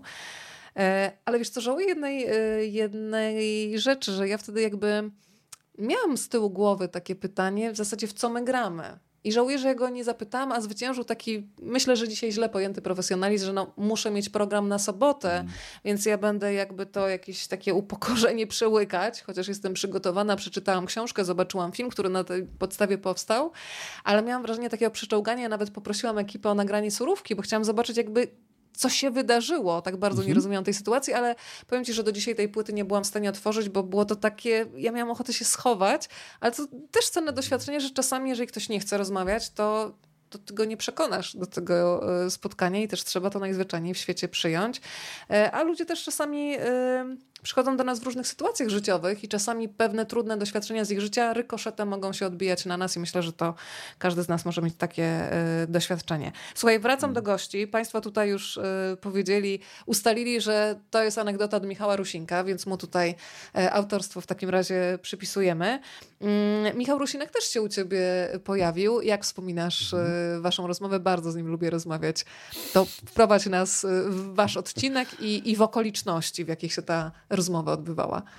Nie jest tajemnicą, że mogę powiedzieć, że mm, Michał Rusinek jest osobą, którą znam od wielu lat mm, i z którą na wielu poziomach, także dziennikarsko, współpracowałem przy wielu różnych rzeczach.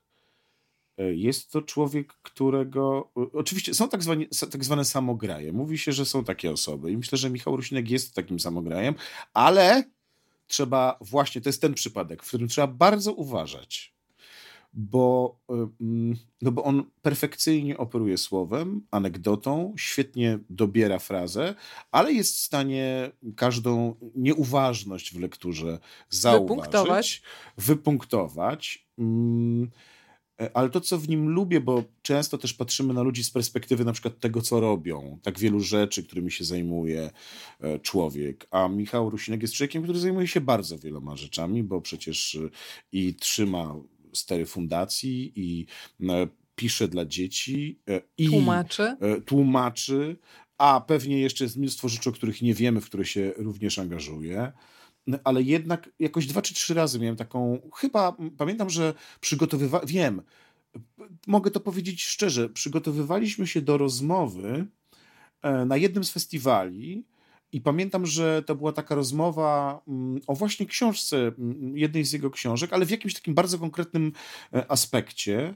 Mm, e, I pamiętam, że po prostu ja do niego zadzwoniłem, mimo tego, że się znamy, i powiedziałem mu, jaki mniej więcej mam zakres tego, a potem to jeszcze dookreśliliśmy, jeszcze dookreśliliśmy, e, więc to nie jest tak, że a dobra, spotkamy się i jakoś to będzie.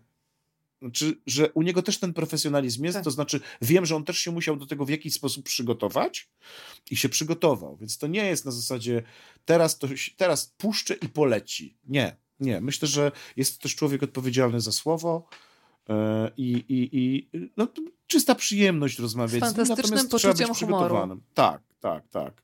Takim nienachalnym poczuciem humoru, nie nierubasznym, o tak. To niech się pojawi w tej historii Sylwia Hutnik. Mm, uwielbiam mm. dziewczynę. Do tej pory tylko czytelniczo, ale po festiwalu Potwierdzam, uwielbiam Sylwię Hutnik. Miałyśmy też okazję podróżować wspólnie e, kamperem i faktycznie czy przodem, czy tyłem do kierunku jazdy. To jest po prostu mm -hmm. taka dziewczyna, którą chce, chce mieć e, w swojej orbicie. W takim, chce się być po prostu w, od, w promieniu rażenia jej energii, o tak. No z Sylwią też się znacie od dawna. No to teraz pytam może może o Twoją ukochaną książkę, e, Sylwii, bo przecież sporo się ich pojawiło. Masz jakiś taki tytuł, który od razu ci się włącza, do którego lubisz wracać, bo ja jestem wielką fanką właśnie tyłem do kierunku jazdy i mhm. podziękowałam Sylwii za to, tak. że to jest książka, która mi dodała odwagi. Mhm. Takiej życiowej. Nie, to wiesz co, ja mam chyba tak, że rzeczywiście cenię tej książkę ostatnią, dlatego że, że ona też y, w sposób y, taki bardzo nienachalny porusza bardzo ważne społecznie tematy i nie to jest, to nie jest takie że wprowadzę oto temat literatury. Nie, dydaktyczny. Znaczy, to nie ma smrodku. W ogóle to, co nie mi się ma, u Sylwii podoba, myślę, że to też jest y, jeden z wyznaczników osób, z którymi rozmawiamy. Nie wiem, czy to masz, ja to sprawdzam. Akurat u Sylwii to jest po prostu taka sytuacja idealna, że Sylwia jest taką osobą, która jest aktywistką, e, jest y, e, osobą pokazującą, wychodzącą z cienia, pokazującą ważne społecznie tematy, mówiącą i wypowiadającą się bardzo stanowczo e, na jakąś wa ważne kwestie omawiane społecznie i politycznie, ale jednocześnie, i to jest ważne dla mnie, ma dystans, w sensie, znaczy, że potrafi się śmiać z siebie, że to nie tak. jest, wiesz, yy, znaczy, że nie ma w tym agresji, tak? Że jeżeli nie jesteś z nami, to wiadomo, gdzie stałeś, nie? Znaczy, że, że to też jest takie spotkaniowe, mm, e, i że z nią naprawdę można się spotkać. I to, co mnie zafascynowało, pamiętam, jak byłem w Szczebrzeszynie i to naprawdę był przepiękny widok, że mm, po spotkaniu z nią ona podpisywała książki, to zresztą chyba był taki dzień, że to była jakaś premiera i te książki w ogóle dopiero na tym festiwalu pojawiły się w takiej obfitości i ustawił się wianuszek Oczywiście 98% to kobiety. Um, I przyjechały panie z jakiegoś klubu dyskusyjnego, panie w wieku, no nie pamiętam, 50, 55, 60, 65 i starsze, i w ogóle nawiązywały z nią taką relację, jakby były rówieśniczkami. Pani Sylwia, mhm. siadają, ja pani opowiem, a Sylwia jest znowu zaangażowana w 100%, to nie jest zachowawcze tak? tak. E, że ona naprawdę słucha, ją to naprawdę interesuje, ją to naprawdę obchodzi, to jest prawdziwe. E, ona, ona chce się prawdziwa. spotkać, nie? Ja myślę, że, że spotykamy się z tymi ludźmi, wiesz, którzy chcą się spotkać. Mnie najbardziej zależy na tym i dwa czy trzy razy przydarzyło mi się to w życiu, że ktoś mi powiedział, byłem na spotkaniu, które pan prowadził i to naprawdę było nie tylko z nazwy, spotkanie, nie? To jest największy komplement. W Sylwii mnie też umuje taka rzecz, o której ona mówiła e, w podcaście chyba u Marty Niedźwieckiej, już nie wiem u kogo, więc nie chcę tutaj znowu skłamać, bo Sylwia mi się kojarzy z taką mocą i siłą, ale też e, otworzyła się bardzo mocno w tej rozmowie i powiedziała, że ona się wielokrotnie boi, że ona się wielokrotnie wstydzi pewnych rzeczy, ale to robi. I dla mnie właśnie pokazanie takiego miękkiego podbrzucha, pokazanie, że można być kruchosilną, to jest coś, co, co jest po prostu mhm. takim wiatrem w żagle, że tutaj nie gramy w jakieś role i bardzo mnie ujmuje też w niej to, jak potrafi stanąć e, za kimś murem, jak potrafi dać wsparcie. Zresztą nie dalej jak dzisiaj, teraz nawet to szybciutko otworzyłam, mm, weszłam na w facebookowy profil Sylwii e, wrzuciła mm, takie zdjęcie, mem mm, Marty Frey i napisała tylko tak, niech podsumowaniem mijającego roku będzie fakt, że żyjemy. Uważam, że to dużo i chciałam nam wszystkim pogratulować, więc ja ten przekaz Sylwii od razu puszczam dalej w świat, bo napisałam też szczerze, że złapałam się na tym, że wzięłam sobie kilka dni temu kartkę, żeby sobie tak napisać, co się udało zrobić w tym roku i po kilkunastu sekundach to odłożyłam, powiedziałam, dziewczyno daj spokój, żyjesz, to jest sukces, mm. więc nawet jeżeli państwo właśnie mają jakieś takie poczucie, że ten rok był może nie do końca tak, jakbyśmy chcieli, e, to jednak to, że udało się przetrwać, myślę, że już jest sukcesem e, w samym sobie. No to słuchaj, pojawiło się gdzieś między wierszami hasło festiwale. To e, ja wiem, że to jest bardzo trudne wybrać jeden spośród wielu, ale rzucam hasło festiwal, taki, który najbardziej zagrał z tobą w tym roku pierwszy festiwal, który pojawia się w głowie, to? Wiesz, że nie mogę odpowiedzieć na to pytanie. Możesz, ale nie chodzi o to, bo my lubimy wszystkie. Ja mhm. mogę ci odpowiedzieć. Dwa mi się pojawiły od razu, ale mhm. pewnie za chwilę się przypomną kolejne. No, dasz się namówić to znaczy, na dobrze, dwa? Tak, oczywiście, tak, dwa oczywiście. No to jest, wybór nie jest trudny. Bardzo mm, cenię to, co robią dziewczyny w ramach Big Book Festiwalu. Piękna z bardzo rozmowa. prostego powodu.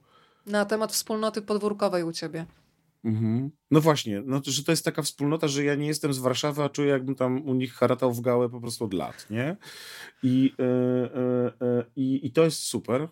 A druga taka historia to jest chyba literacki Sopot, zupełnie inny format, ale ale to jest też takie, wiesz, walczenie z mitem tego, że oto mamy turystyczną um, Kot się pojawił u ciebie? w związku z tym. Tak, Wanda. Wanda, witamy cię. Możesz się tak, pokazać. Tak, Wanda. Wanda y, jest y, młodą kotką, chce się pokazać, ale pewnie tylko na chwilę, gdyż jest to kotka, która chodzi jak zwykle swoimi drogami i będzie się przytulała tylko wtedy, kiedy ona tego chce. I no, słusznie. Klasyka. Nie, no jasne, to trzeba mieć pewne granice y, ustawione. Empatia, moja droga, empatia. W każdym razie, dobrze, no tak, literacki Sopot, to jest rzeczywiście tak, że wiesz, ja też lubię Y, literacki Sopot imponuje mi y, z tego powodu, że on odczarowuje trochę taki turystyczny Sopot, to jest raz. A dwa, Mm, mm, I to jest też ważne, że to jest ten y, mm, rzeczywiście festiwal, na którym jest bardzo dużo wątków międzynarodowych. Jest y, to festiwal, który ja bardzo szanuję z tego względu, że tam byli jako pierwsi na przykład tłumacze i tłumaczki polskiego języka migowego, a po trzecie, czyli ta cała kwestia związana z dostępnością, a po trzecie, to jest ten festiwal, który ma bardzo wysoką, bardzo wysoko postawioną poprzeczkę, jeżeli chodzi o sprawdzalność. To znaczy, ja za każdym razem, kiedy do mnie dzwonią, rzeczywiście się cieszę, że mogę tam być, bo wiem, że wybór osób prowadzących jest ogromny a wiem, że oni naprawdę pytają ludzi, co sądzą po spotkaniach i prowadzą, jest y, taka ankieta ewaluacyjna po prostu po spotkaniu, którą oddajesz i, i, i ludzie piszą, czy prowadzący był spoko, czy był z czapy e, i na przykład co się podobało, a co nie. No a poza tym tam mogę robić, y, jedny, jestem jednym z prowadzących y, fantastyczny radiowy format w czasie festiwalu, co też jest zupełnie innym wyzwaniem, czyli tylko trochę radio festiwalowe. E, są cztery dni i w tym roku była druga edycja Ptasiego Radia, e, no no i się znowu udało. I, I też jest dobra atmosfera wokół tego festiwalu i to lubię po prostu. Znaczy nie mówię, że w innych są źle. Jest na przykład świetny, e, e, e, rosnący festiwal imienia Pilcha w Wiśle, który jest zupełnie inną. Wiesz, patrzysz jak coś się nagle rodzi, jak coś jest nowe, jak przeciera szlaki, jak ludzie, którzy idą na deptaku mówią ej, nigdy czegoś takiego tutaj nie było. I siadają i słuchają opowieści o Pilchu, słuchają opowieści Agaty Romaniuk, albo nie wiem, o, mm, o tym, czym jest y, y, prowincja dzisiaj w literaturze i w realu. Y, jest dużo takich miejsc, jest mnóstwo małych festiwali, o których pojęcia nie mamy. Ja, moim marzeniem jest pojechać do Budy Ruskiej znaleźć czas i pojechać. W tym roku byłem w Szczebrzeszynie, pewnie w przyszłym się nie pojawię, a może w tym samym czasie pojadę do Budy Ruskiej. Zobaczymy. No, chcę zobaczyć. Fajny, zupełnie um, odjazdowy festiwal opowiadania y, organizowany między innymi przez Sagę Wolne Hamkało. Kompletnie inny. Też poszukujący, cały czas przełamujący um, taką narrację o tym, czym jest albo czym może być dzisiaj short stories. No więc um, bardzo, bardzo mamy dużo takich inicjatyw. No. Powiedziałaś o tym ptasiem radiu i od razu zobaczyłam na zdjęciach, mi się przypomniał ten kadr, mm, kiedy to studio radiowe jest tak naprawdę na tarasie. E, Gojki 3, tak? Art Inkubator. Mhm. E, tak. Faktycznie takie miejsce, no idealne studio radiowe, zazwyczaj te studia radiowe często są bez okien, takie ma człowiek trochę wrażenie zamknięcia, a tutaj po prostu siedzisz i, i, i patrzysz na ten krajobraz, więc pięknie, ale Ptasie Radio otworzyło w mojej głowie szufladkę, mm, w której mieszka Jacek Karczewski. E, nie ukrywam też, że Jacek Karczewski trafił do rozmawiam, bo lubię dzięki tobie. Mhm. E, rozmawialiśmy w kamperze na kampingu w Dębkach. E, powiedz trochę o Jacku, bo to też jest niezwykły człowiek pasjonat. Pamiętam, że rozmawialiśmy o ptakach, ale też doszliśmy do bardzo poważnej debaty na temat śmierci, istnienia Boga lub nie. No, człowiek po prostu, który też dodaje skrzydeł. Jak wasze drogi się przecięły? To często jest tak, że spotykasz kogoś. To Księgarnia pod Globusem będzie teraz tutaj ważnym momentem. To tutaj spotkałem po raz pierwszy Agatę Romaniuk, to tutaj spotkałem po raz pierwszy Jacka Karczewskiego. Kiedy wysłano mi, zaproponowano mi o ptakach, ja mówię, nie znam się na ptakach, a potem przeczytałem książkę. I pomyślałem sobie tak, jeżeli ten chłop tak świetnie umie opowiadać, jak pisze, to ja to kupuję w 100%. I od tej pory kumplujemy się, tak, mogę to powiedzieć, że, że kumplujemy się i że to nie jest tylko relacja od książki do książki i od czasu do czasu do siebie piszemy, nie często, ale do siebie piszemy i przypominamy sobie o sobie. I Jacek też jest zero-jedynkowy, to znaczy w nim nie ma y, ściemy. Mm, to też ma Sylwia, to znaczy tak mi się wydaje, że, że wiesz, że jak nie wiem, nie ma czasu, to mówi nie mam czasu, nie nagramy się, bo nie mam czasu nie będzie cię na przykład odwlekać, nie? E, tak. Jacek jest dokładnie taki sam, jest w 100% twój przez tę tą godzinę i on opowiadając o ptakach tak naprawdę opowiada o nas i to jest fajne. No. A jednocześnie robi to z taką pasją, e, połączoną z rubasznością i taką, e, taką śmiałością i zachwytem. Tak, to jest Wanda. Cześć Wanda. Wandunie, oj, Wandunie, ale mikrofon to z szacunkiem prosimy, naprawdę. Wanda jest piękna nie wiem, czy zauważyłeś, ale już została zaproszona do kociej szajki przez Agatę, a pani Wanda, która nas... E, Agato, wyślij, wyślij tylko poważne propozycje, rozważymy. Ale to do negocjacji jest.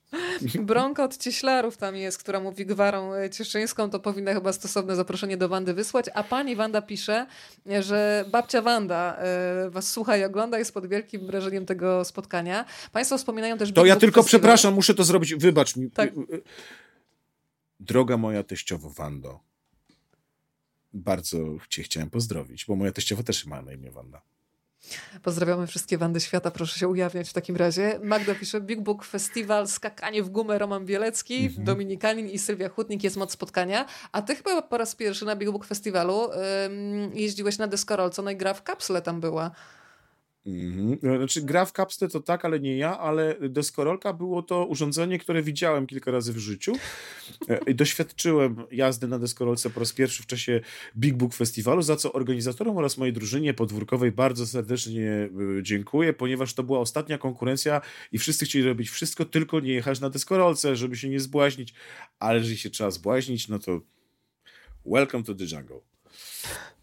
E, kot, to bardzo dziękuję za ten komentarz. Kot sąsiadki, który właśnie leży mi na brzuchu, zastrzegł uszami, chyba pozdrawia. To my na pewno mhm. odzdrawiamy. Zgodzisz się? Tak, tak. Odkociamy. W sensie tak, no tak. E, o proszę, Agata już pisze. E, do Pieruna Kandego, chodź dziołuszka, płacimy w śledziach. To przekaż Wandzie tę informację. A teraz chciałam, żeby się pojawiła miłość e, w tej historii. Mm, przyznaję, że jest kilka par, które lubię śledzić w sieci, mm, nawet jeżeli drugiej połowy nie znam. I tak na przykład jest, kiedy myślę o Adamie Wajraku i jego Nuri. Mm, Adama znam dobrze, Nuri nie znam, mhm. ale ją e, kocham tak wirtualnie.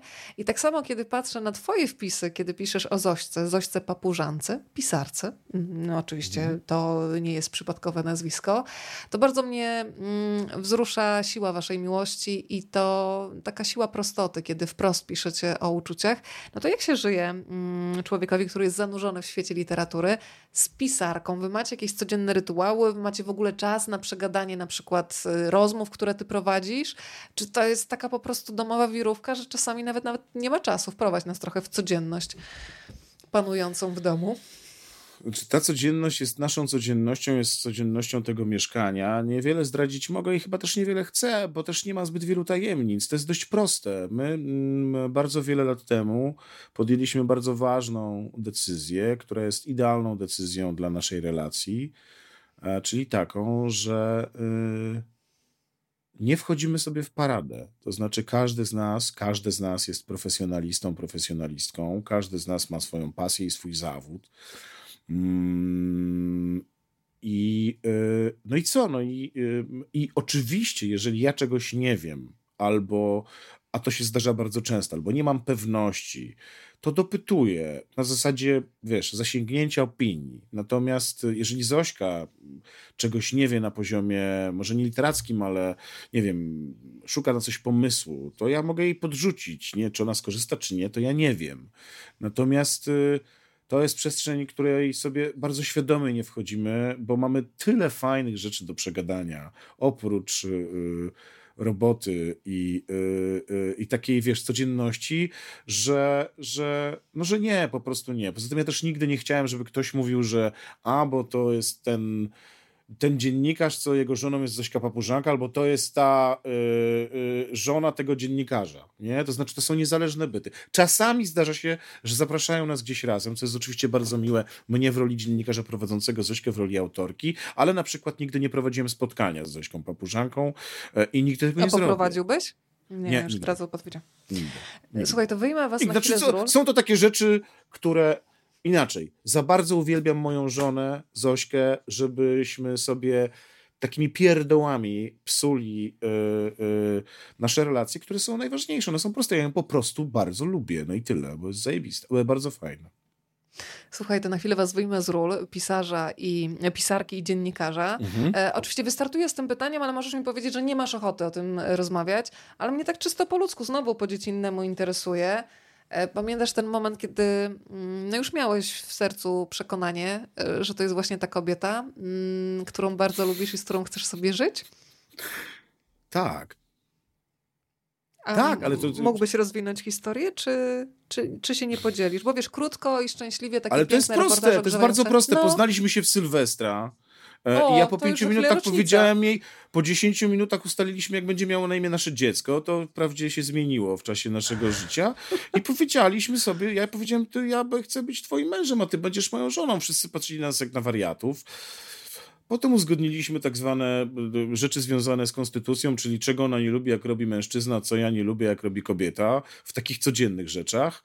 Bo ponoć jest taka zasada, tutaj zdradzę Państwu wielki sekret, nie wiem czy to działa czy nie, ale jeżeli jesteście z kimś, jest przynajmniej jedna rzecz, jedna, której kiedy jeszcze nie jesteście małżeństwem, czy nie jesteście w jakiejś takiej bardzo bliskiej relacji, już wiecie, że w nim nie jesteście w stanie znieść. Nie wiem, niech to będzie to rzuca skarpetki na środku pokoju albo łyżeczkę odkłada do widelców. Jeżeli myślicie o tym, że mnie to tak wkurza, że, że to, to będzie tylko rosło z latami to będzie rosło. Ta frustracja no, ale będzie nie powiesz mi, że po prostu byliście tak dopasowani idealnie jak puzzle. No coś was musiało w sobie wkurzać i nadal na nie, pewno wkurza. Ale, nie, ale nie, y, ale na... Y, nie, to nie jest kwestia tego, że nie. To znaczy, że są takie rzeczy, ale one nie są tak duże, żeby, wiesz, że nie nakręcają cię, bo to chodzi o to, że że, że, że wtedy się nakręcasz. Wiesz co, mm, mm, ja to trochę powiedziałem, ale może, mm, ale może, może, może to jest, nie wiem, nie potrafiłem tego wyartykułować. Ja myślę, że my się po prostu bardzo lubimy. Ja lubię z nią robić, z moją żoną Zofią, czy też po prostu z Zośką, lubię robić bardzo dużo rzeczy. Takich małych rzeczy. W sensie, nie wiem, no, mam nadzieję, że jutro nam się uda pojechać na wieś i będziemy się gapić w nic, no, na, na, na przyzbie. I to jest super. No, Widzisz, jak mi się taką uśmiech tyle, rozciąga, no. bym nie miała uszu, to bym się już śmiała na okrągło. Ale to jest naprawdę niesamowite, że, że przychodzisz na imprezę i od razu wiesz. Mm, to jest taki strzał... Yy no, nie, no żadne z nas nie wiedziało tak naprawdę, wiesz, no, to wszystko no, było słuchaj, takie no. romantyczne i tak dalej, no ale tak się złożyło, no i, i, i, i Bogu chwała, no i ja się z tego bardzo cieszę, bo, bo, bo się też po prostu bardzo wiele nauczyłem i, i, i myślę, że, że że jakoś tak naturalnie wyszło. No oczywiście to w każdej relacji jesteś w stanie, musisz się dotrzeć, no mm, to jest zupełnie normalne, ale myślę, że paradoks tej historii polega na tym, że że że, że naprawdę jest okej. Okay. I, i, I chyba nawet nie chcę tego jakoś specjalnie nazywać, bo wiesz, mam wrażenie czasami, że jak to wszystko sobie tak ponazywasz, przeanalizujesz, to gadasz o analizowaniu, a nie robisz. A ja jestem człowiekiem raczej działania niż mówienia o, o działaniu. No. Powiedziałeś Bogu chwała, od razu sobie w myślach pojechałam na południe Polski, ale Bogu chwałę zostawiamy i jedziemy do Wojtusiówki. Powiedziałeś, że być może pojedziecie sobie na wieś. To tak wirtualnie nas chociaż e, zabierz i podziel się trochę waszą wspólną radością, e, bo to jest taka odskocznia, która mam wrażenie, że pozwala na chwilę tę wiróweczkę myśli, o której wcześniej mówiliśmy, wyresetować, zatrzymać. E, kiedy w ogóle zaczęliście tworzyć to miejsce? No i obiecałam Państwu, że porozmawiamy o pszczołach, więc niech i pszczoły tutaj nadlecą. No miejsce pojawiło się jakiś czas temu. To jest miejsce, w którym na razie tyle mogę zdradzić. Nie mieszkamy na stałe, jedziemy na weekendy, ale mam nadzieję, że za kilka lat to będzie nasze stałe miejsce bycia. Ja, się, ja jestem mieszczuch, z, myślę, że z urodzenia. E, I, i, i, no i nigdy nie przypuszczałem, że mała miejscowość pod y, niedaleko Krakowa będzie tą miejscowością, gdzie ja będę chciał się przenieść. No wiesz, y, jak się śmiejemy czasami, ja pięć lat temu nie potrafiłem rozróżnić drzew poza tym, że to jest liściaste, a to jest iglaste.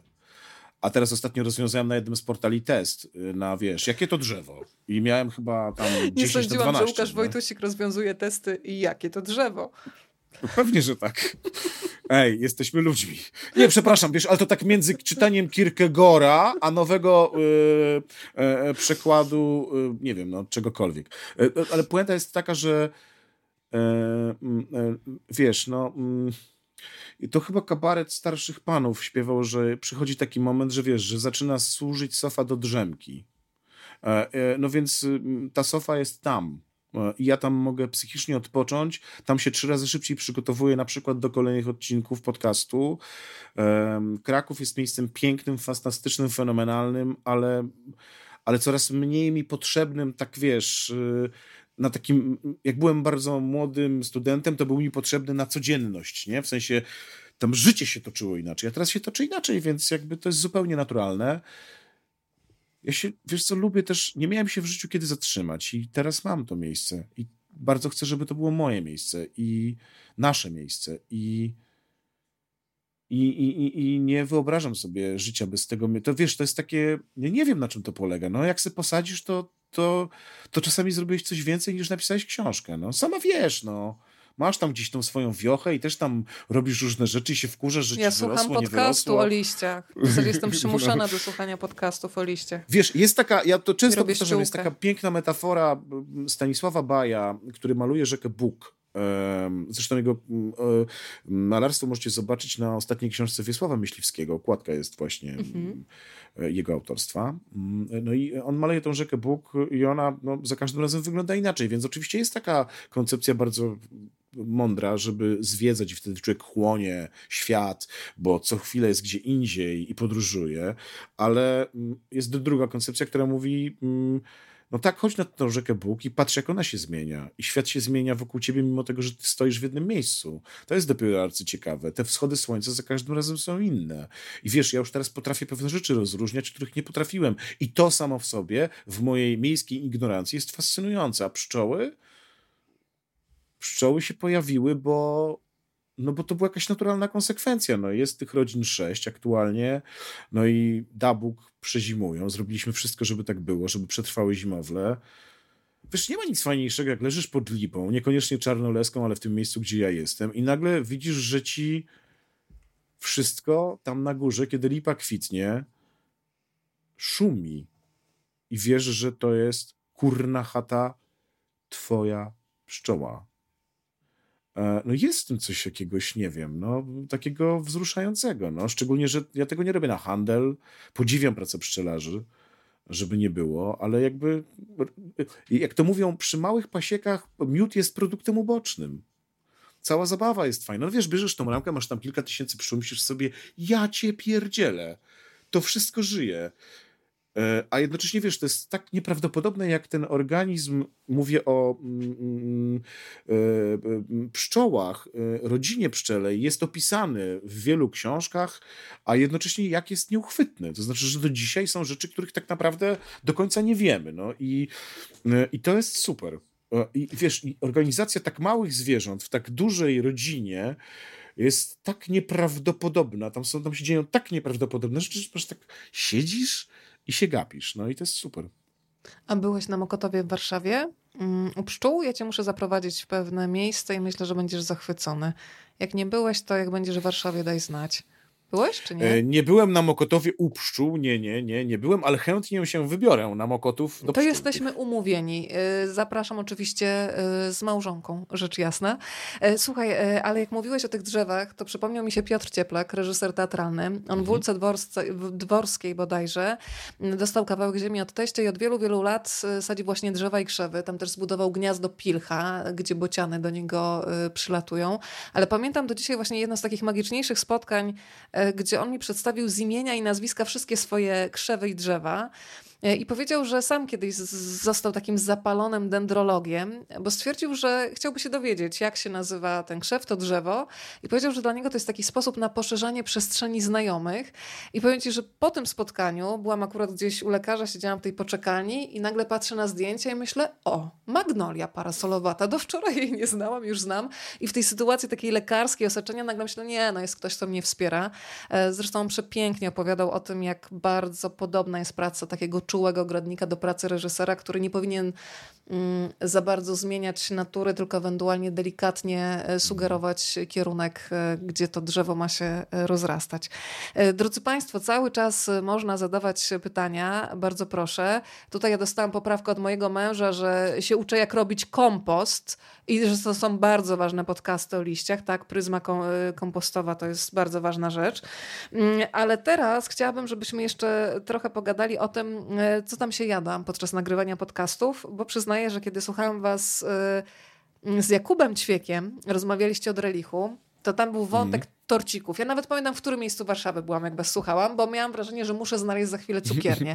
Więc y, pamiętasz jakieś takie smaki, że teraz masz na przykład w głowie, nie wiem, Kuba Ćwiek, to od razu ci się odpala jakiś smak? Jak to Od, funkcjonuje Odpala mi się głowie? miejsce. Odpala mi się mhm. miejsce. To znaczy mógłbym cię do tej cukierni zabrać. E, I zapraszam oczywiście, jak będziesz to w Krakowie, to sobie podjedziemy, to rzut beretem. Tak, to rzut beretem jest. Czy mi się odpalają smaki, zapachy? Mhm. E, e, no wiesz co, to, to jest ten... E, chyba odpalają mi się emocje bardziej, tak mi się wydaje. I że jednak emocje, to znaczy, że jednak masz taki moment, że że czego, którego wiesz, nie widać i to jest fajne. To, to nazwałaś pauzą. E, ja jestem zwolennikiem pauzy, ale uważam, że w takiej pauzie można też, wiesz, technicznie bardzo mocno przegiąć, nie? Gdybyście Państwo teraz zamknęli oczy i wyobrazili sobie, że powiem, nie wiem, to było moje największe, największe jak jest ciut za dużo, to już jest To jest pauza teatralna nie? już, No, tak. no, no, no. A chodzi o takie pauzy naturalne, które my hołbimy, bo one rzeczywiście dają taki element wzruszenia. I ja kilka takich elementów miałem, wiesz, w, swojej, w swoich tam nagraniach czy w rozmowach, takich zupełnie e, nieprawdopodobnych i takie emocje pamiętam. Pamiętam emocje właśnie tej rozmowy z Mateuszem Pakułą. Pamiętam, e, pamiętam emocje właśnie rozmowy z Janną Gromek-Ilk, e, która, która siedząc w mieszkaniu Szymborskiej opowiada mi o jej życiu. I to jest jakieś doznanie. Siedzimy w tych fotelach i to jest jakieś doznanie no, no właśnie, kos kosmiczne zupełnie. Pamię wiesz, i, i, i, masz te książki, które czytała Szymborska i, i jakieś tam korespondencje. Pamiętam, e, e, e pamiętam jakieś takie właśnie rzeczy, przedmioty, ale zapachy chyba nie. To znaczy, no wiesz, w The Books dostaję kawę, no i ja zawsze gdzieś tam ta kawa się pojawia, rzeczywiście bardzo często w podcastach, bo ja jestem chyba jednak uzależniony od kawy, nie ma się tutaj czym chwalić, po prostu piję ją bardzo często i bardzo lubię kawę. W różnych postaciach. E, tak, no ale torciki, no ale to torciki znowu były pretekstem z tego powodu, że w książce ćwieka bohaterka tak. jest cukierniczką, no więc jakby gdzieś to się zupełnie niesamowicie pojawiło, ale wiesz jak zdarza się coś, e, często zdarza się, że jesteśmy gdzieś, nagrywamy coś i na przykład autor albo autorka mówi, słuchaj Łukasz, ale nie będzie ci przeszkadzało, jak ja tu będę chlipać i będę, ja mówię, nie, jedz, jedz. Mla, tak, tak. Czy mlasz, wydawaj odgłosy. Tak. Wydawaj odgłosy. Nie? To znaczy jest to mm, no, jakieś takie zupełnie naturalne, no, mm, żeby nie było sterylnie. A jak często jest tak, że ci pewne książki i historie zaczynają łączyć? Yy, pamiętam takie dwa komunikaty od wszechświata, fakty muszą zatańczyć. Wybierałam się na rozmowę z Mariuszem, wysiadłam z samochodu i przede mną była rejestracja samochodu z napisem tańcz. I pomyślałam, o grubo. Yy, przed spotkaniem z Sylwią Hutnik yy, spotkałam na ulicy Chmielnej roztańczonych seniorów, E, i sama się rzuciłam w wir tego tańca. Najpierw byłam onieśmielona i tak się cieszyłam razem z tymi ludźmi. Myślę, czemu ja mam jakiś gorset, idę tańczyć, więc najpierw potańczyłam, potem pobiegłam na rozmowę. Zdarzają ci się takie sytuacje, że masz wrażenie, że już jesteś tak zanurzony w temacie, że te same historie zaczynają do ciebie przychodzić, jakbyś w ogóle miał taką energię, która przyciąga jak magnes. Mm, myślę o tych ostatnich rozmowach, to ja mam takie historie, ja mam takie tematy, które mnie przyciągają, to są tematy dyżurne. E, znaczy miałem tak przez długi czas z tematem związanym ze śmiercią.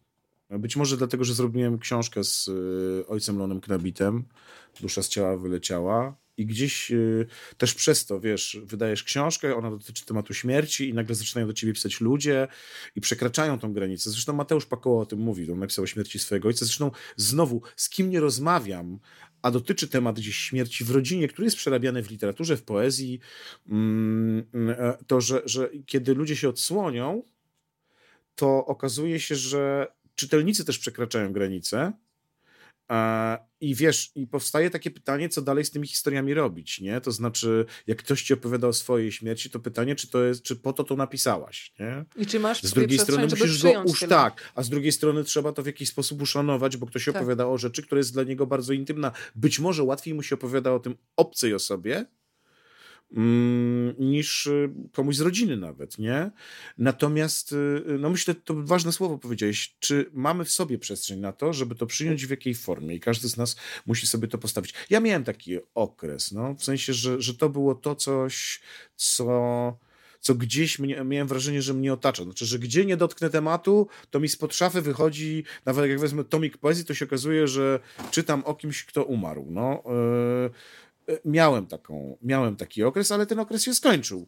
Mm, ale ja mam coś innego, to znaczy e, rzeczywiście jest tak, że chyba ze względu na liczbę książek, którą czytam profesjonalnie, pewne tematy mi się łączą. W sensie, że tak, ale to było tu, a to było tu, a to było tu, a to było tu. Wiesz, to są rzeczy pozornie z sobą niepowiązane.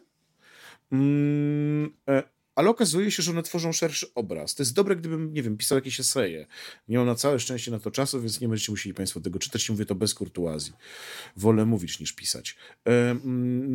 I, i, I chyba tyle. To znaczy, to, co lubię w literaturze również, to to, że jeżeli czytasz i masz tego jakiś worek, to potem te tematy same się łączą. Pamiętam, że dla mnie takim wymiarnikiem tego, czy ktoś rzeczywiście czyta i czy się zna, e, znaczy nie zna, czy czyta i czy potrafi o tym opowiadać, czyli zajmuje się tym, czym my się zajmujemy trochę, ty i ja, Także rozmawiając z ludźmi, jest to, jest prosty test. Bierzesz kogoś, ja ci, jak gdybym poprosił cię, weź teraz z półki z tyłu albo z boku, której nie widzimy w transmisji, trzy książki, masz na to dwie minuty i opowiadaj mi o tych książkach 15 minut, to to zrobisz.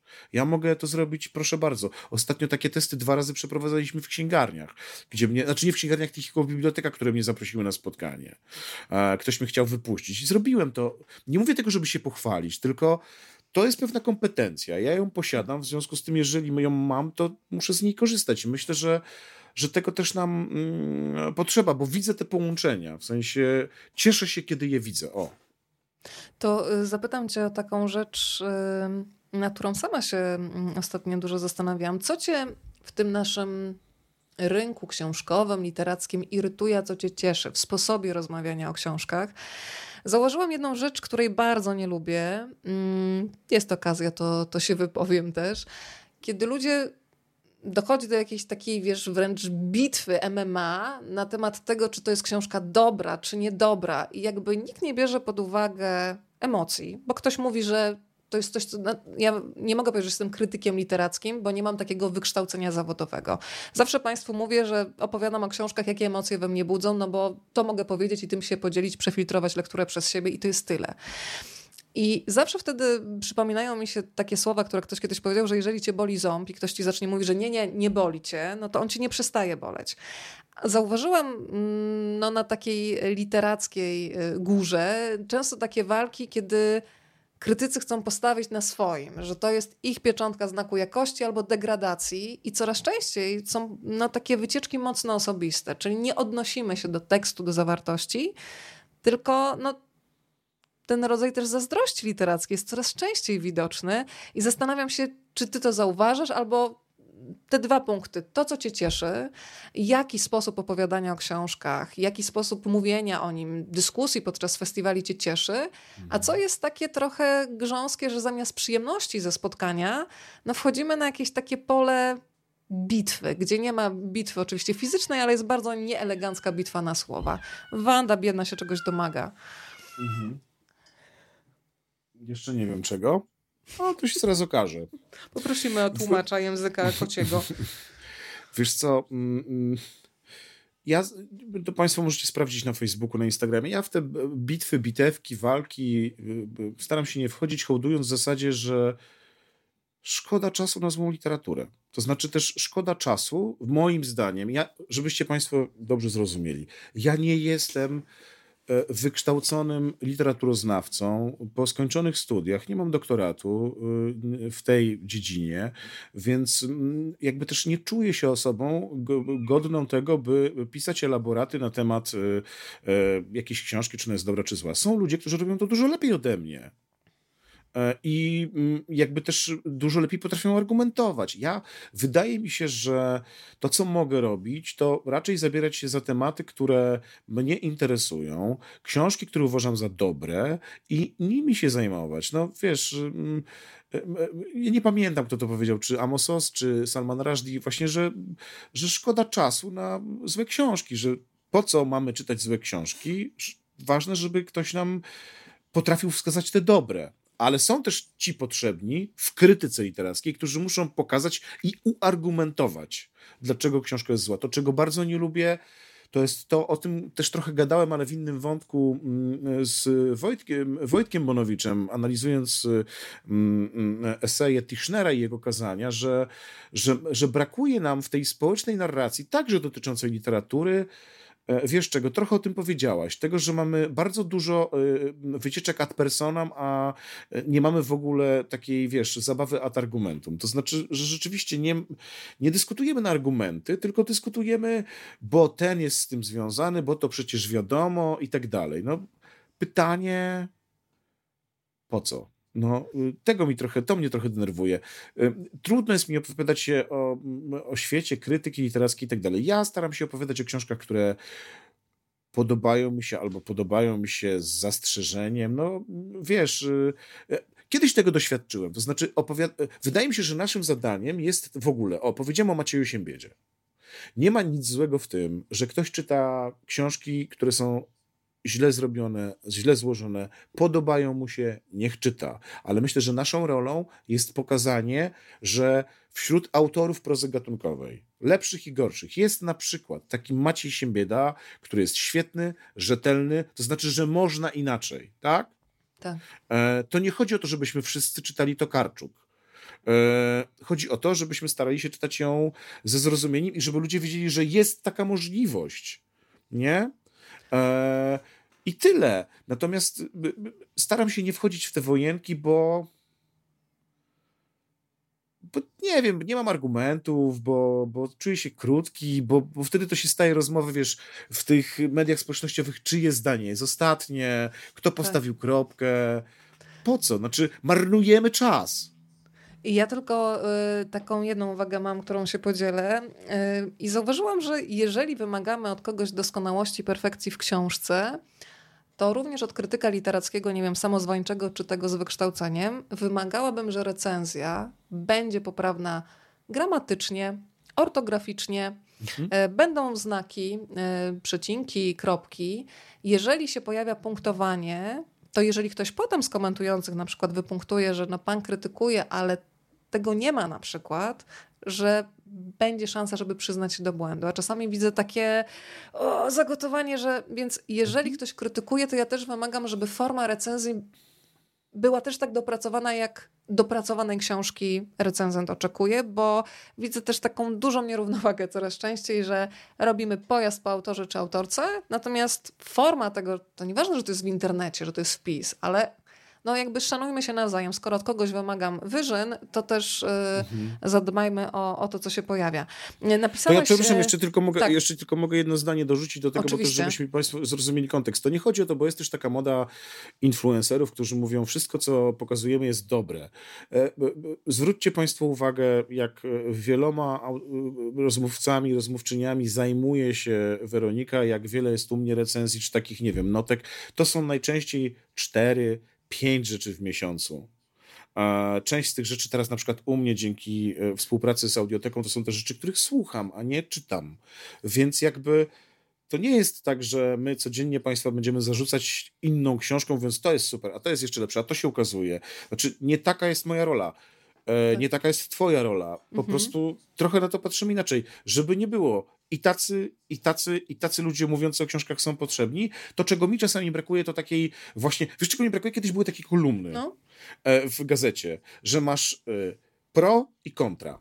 Nie? Mhm, Żeby ktoś tak, mi pokazał rozmowę. recenzję na, na przykład recenzję czy esej na temat książki, który jest wypunktowaniem tych mocnych stron, a ktoś pokazał mi drugą stronę medalu, ale na argumenty. Niech to będzie literacko świetne. Tego mi brakuje. Tak. I tego myślę, że ludzi, od ludzi wykształconych w tym ściśle kierunku można wymagać.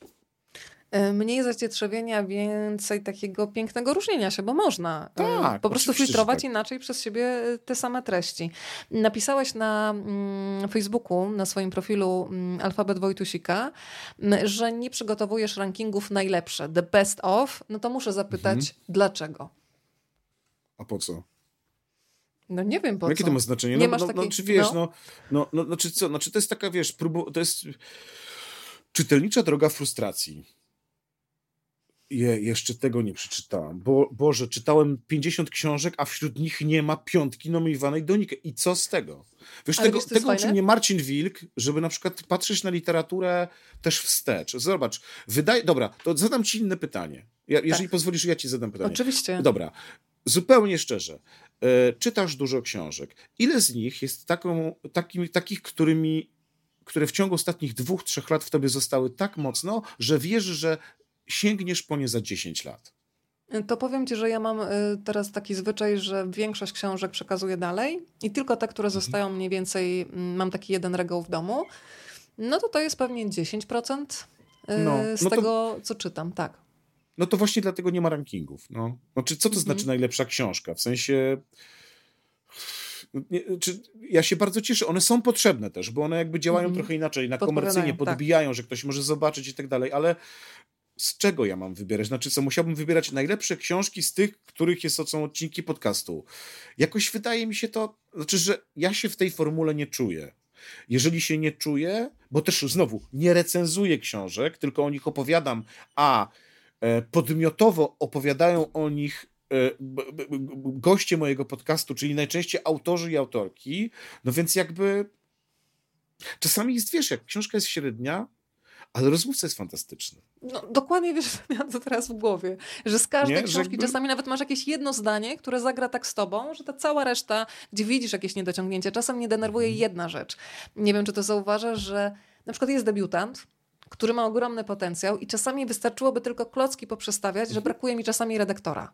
Że wystarczyłoby to troszeczkę podrasować i byłaby perełka, a tak mamy potencjał trochę no, gdzieś tam nie do końca wykorzystany, ale masz rację.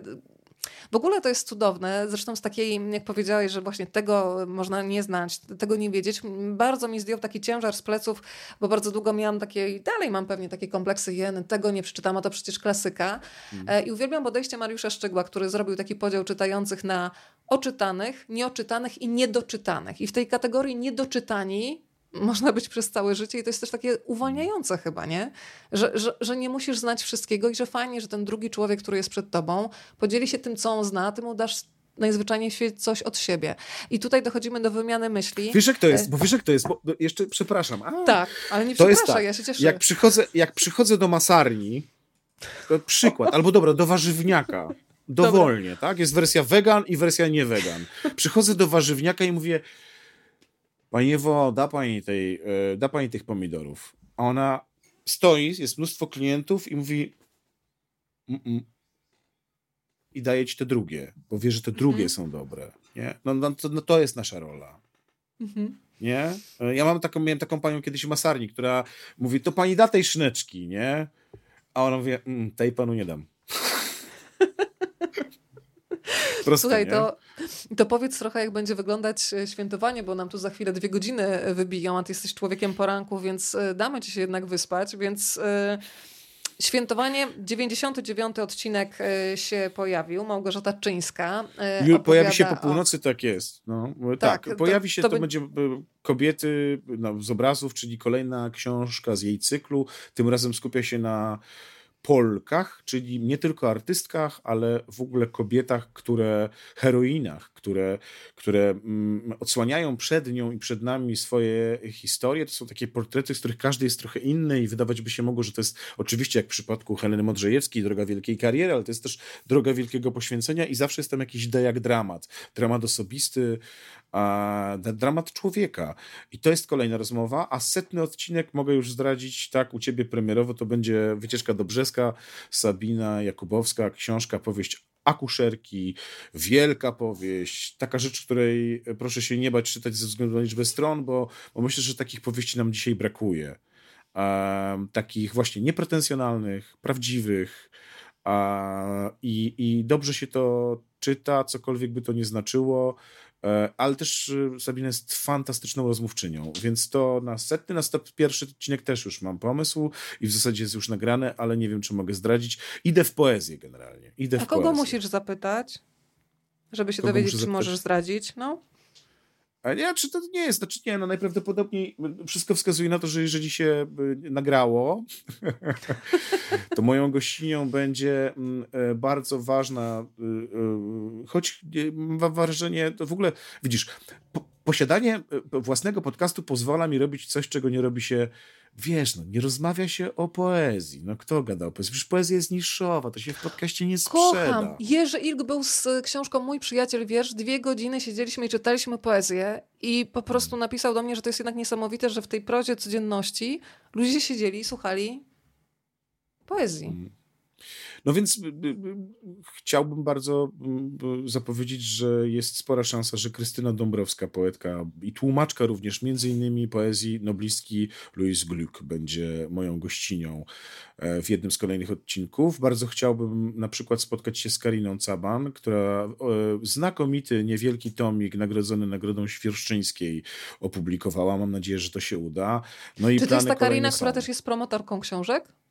Tak, Był tak. też trochę o tym okay. chciałbym z nią porozmawiać. Tak, tak, tak, tak, tak. Yy, mm, ale to nie jest tak, że to wydawnictwo, w którym pracuję, wydało tą książkę, tylko zupełnie inne wydawnictwo. Mowa tutaj o wydawnictwie Universitas.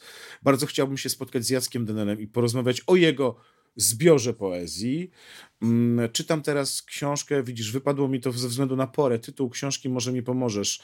Jakub Nowak, wydawnictwo Powergraph, historia Sienkiewicza i Modrzejewskiej. Mogę e, sprawdzić. No w każdym razie, w każdym razie mhm. mm, przez ten wiatr to się chyba nazywa, mm, nosi tytuł. Bardzo zacząłem czytać dziś, bardzo się wkręciłem e, i on chyba mieszka w Lublinie, jakby się dało, to bym pewnie pojechał. E, no to tak, wiesz, marzenia, nie? Mm, takie najbliższe i dalsze. A co wyjdzie? Często coś wychodzi w praniu w stylu za trzy tygodnie będę w Krakowie, możemy się spotkać. Na przykład są takie, wiesz, rzeczy przetrzymywane. Na przykład Jacek Denel, z którym bardzo chciałbym porozmawiać, ponieważ bardzo cenię jego pracę i translatorską, i e, pisarską. E, uwielbiam jego Satur, Saturnina powieść.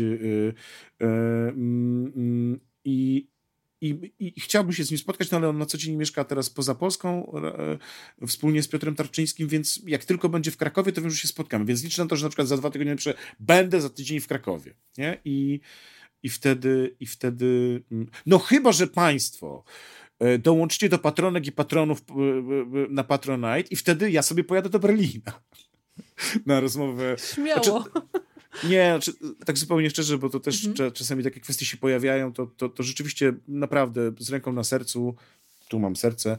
E, wszystkie środki z Patronite przeznaczam tylko i wyłącznie na funkcjonowanie i działanie tego podcastu oraz na rzeczy, które są związane z wyjazdami, inwestycją w sprzęt i tak dalej. Sprzęt, z którego rozmawiam, w całości jest zakupiony e, ze środków e, Patronite. To znaczy moich patronów i patronek za coraz jeszcze wielkie dzięki. Więc takie są, takie są, takie są fakty. Za chwilę Grzegorz Kajdanowicz tutaj się pojawił u nas. E, to przez ten wiatr Państwo bardzo czujnie od razu e, podpowiadają o, bardzo dziękuję, e, tutaj mhm. tytuł. To ja w zasadzie już zmierzam do ostatniego pytania, więc Państwo, jeżeli mają jeszcze jakąś myśl w głowie, to proszę ją przerzucać na klawiaturę i przysyłać. E, pytanie, chyba prowokacja, to ludzie jeszcze wiersze piszą, piszą i to piękne, e, pani Elu, Elu, więc e, zdecydowanie warto. A ja się zastanawiam, Łukasz, czy nie korciło cię kiedyś i jakby nie pytam cię o gotowość, czy ty już to potrafisz zrobić, ale czy masz w sobie jakąś taką chęć do stworzenia powieści, do wykarowania jakiegoś światu, do stworzenia bohaterów, no i zabrnięcia w takie sytuacje, yy, kiedy to oni gdzieś zaczynają cię prowadzić korcić. Ja ci powiem, że mnie korci, ale nie, nie mam tej umiejętności. Jeszcze nie czuję, żebym potrafiła, ale bardzo bym chciała kiedyś się pobawić, tak. Jak mawiał Bogusław Szefer, nie można być jednocześnie twórcą i tworzywem.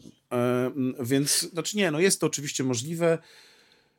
Y, wiesz co, jak się ma w pokoju obok tę przyjemność, że się wie, że ma się znakomitą pisarkę i widzi się, jak to się tworzy, to ma się również, mam nadzieję, na tyle w sobie dużo pokory, żeby powiedzieć nie. Znaczy, ja widzę człowieka, który jest do tego stworzony, i dzięki temu wiem, że ja nie jestem, ale to nie znaczy, że jestem gorszy. Ja po prostu umiem Mam robić talent. inne rzeczy.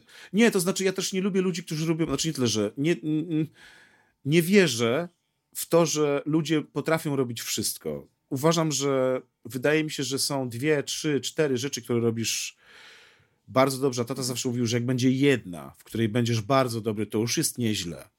Więc staram się w przestrzeni audio, pracując, robiąc podcast jako pasję, pracując na to dzień w radiu, co też jest moją pasją, e, i rozmawiając z ludźmi, tą swoją pasję rozmowy, słuchania i bycia w wersji audio pogłębiać i tyle. No, y, na tym mi zależy i to będę starał się robić. A resztę zostawiam tym, którzy potrafią to robić lepiej. E, Ale mam pomysł, znaczy mam super pomysł, w sensie, wiesz, mam, ostatnio wpadłem na taki pomysł bohatera y, dla serii powieści kryminalnych, chętnie się podzielę za niewielką opłatą, nie ma problemu. Yy, tak, bo Wojtek Chmielarz u ciebie w podcaście mówił o tym, że faktycznie jak ktoś przychodzi do niego z pomysłem, to w zasadzie wypadałoby zapłacić za prawa autorskie, więc od razu dobrze, że ta kwestia tak. tutaj jest jasna. Y, Sabina Jakubowska się pojawiła, y, chciała cię zapytać o tę powieść, a ja pomyślałam przy okazji y, powieści Sabiny Jakubowskiej, że ty też jesteś w pewnym, nawet nie w pewnym, po prostu jesteś akuszerem słowa. Odnajdujesz się w takiej definicji, w takim zawodzie? Akuszer słowa, ale to musiałbym mnie rodzić, w sensie być przy narodzinach słowa. Nie, myślę, że ale wiesz, Jarek że... Mikołajewski mhm. powiedział coś takiego pięknego, że istnieje coś takiego jak naturalny poród słowa, mm, odwołując się do mhm. tego, że czasami chcemy coś mm, dostać od człowieka na szybko. To od razu mi się kojarzą, wiesz, tacy reporterzy szybcy, którzy podstawiają mikrofon i pan teraz coś powie, mamy trzy minuty. Taka seteczka e, do radia. On mówi, że no, nie dostaniesz tej perełki, która jest być może po godzinie rozmowy nam wypłynie tutaj, e, więc nie ma co przyspieszać, nie ma jakiejś oksytocyny sztucznej, która nam przyspieszy rozmowę, tylko mhm. jest ten naturalny poród słowa i ty jako akusz No sporo tych porodów przyjąłeś, takich rozmów. Hmm, taką męską Nie widzi się w tej roli chyba. Być. No? Męskim dulem chyba, tak. Nie, wiesz co? Mm. Y, Masz z tym problem. To, nie, nie, wiesz co, myślę o tym bardzo poważnie, naprawdę bardzo poważnie, bo potraktuję twoje powa pytanie poważnie. E, to jest duże słowo.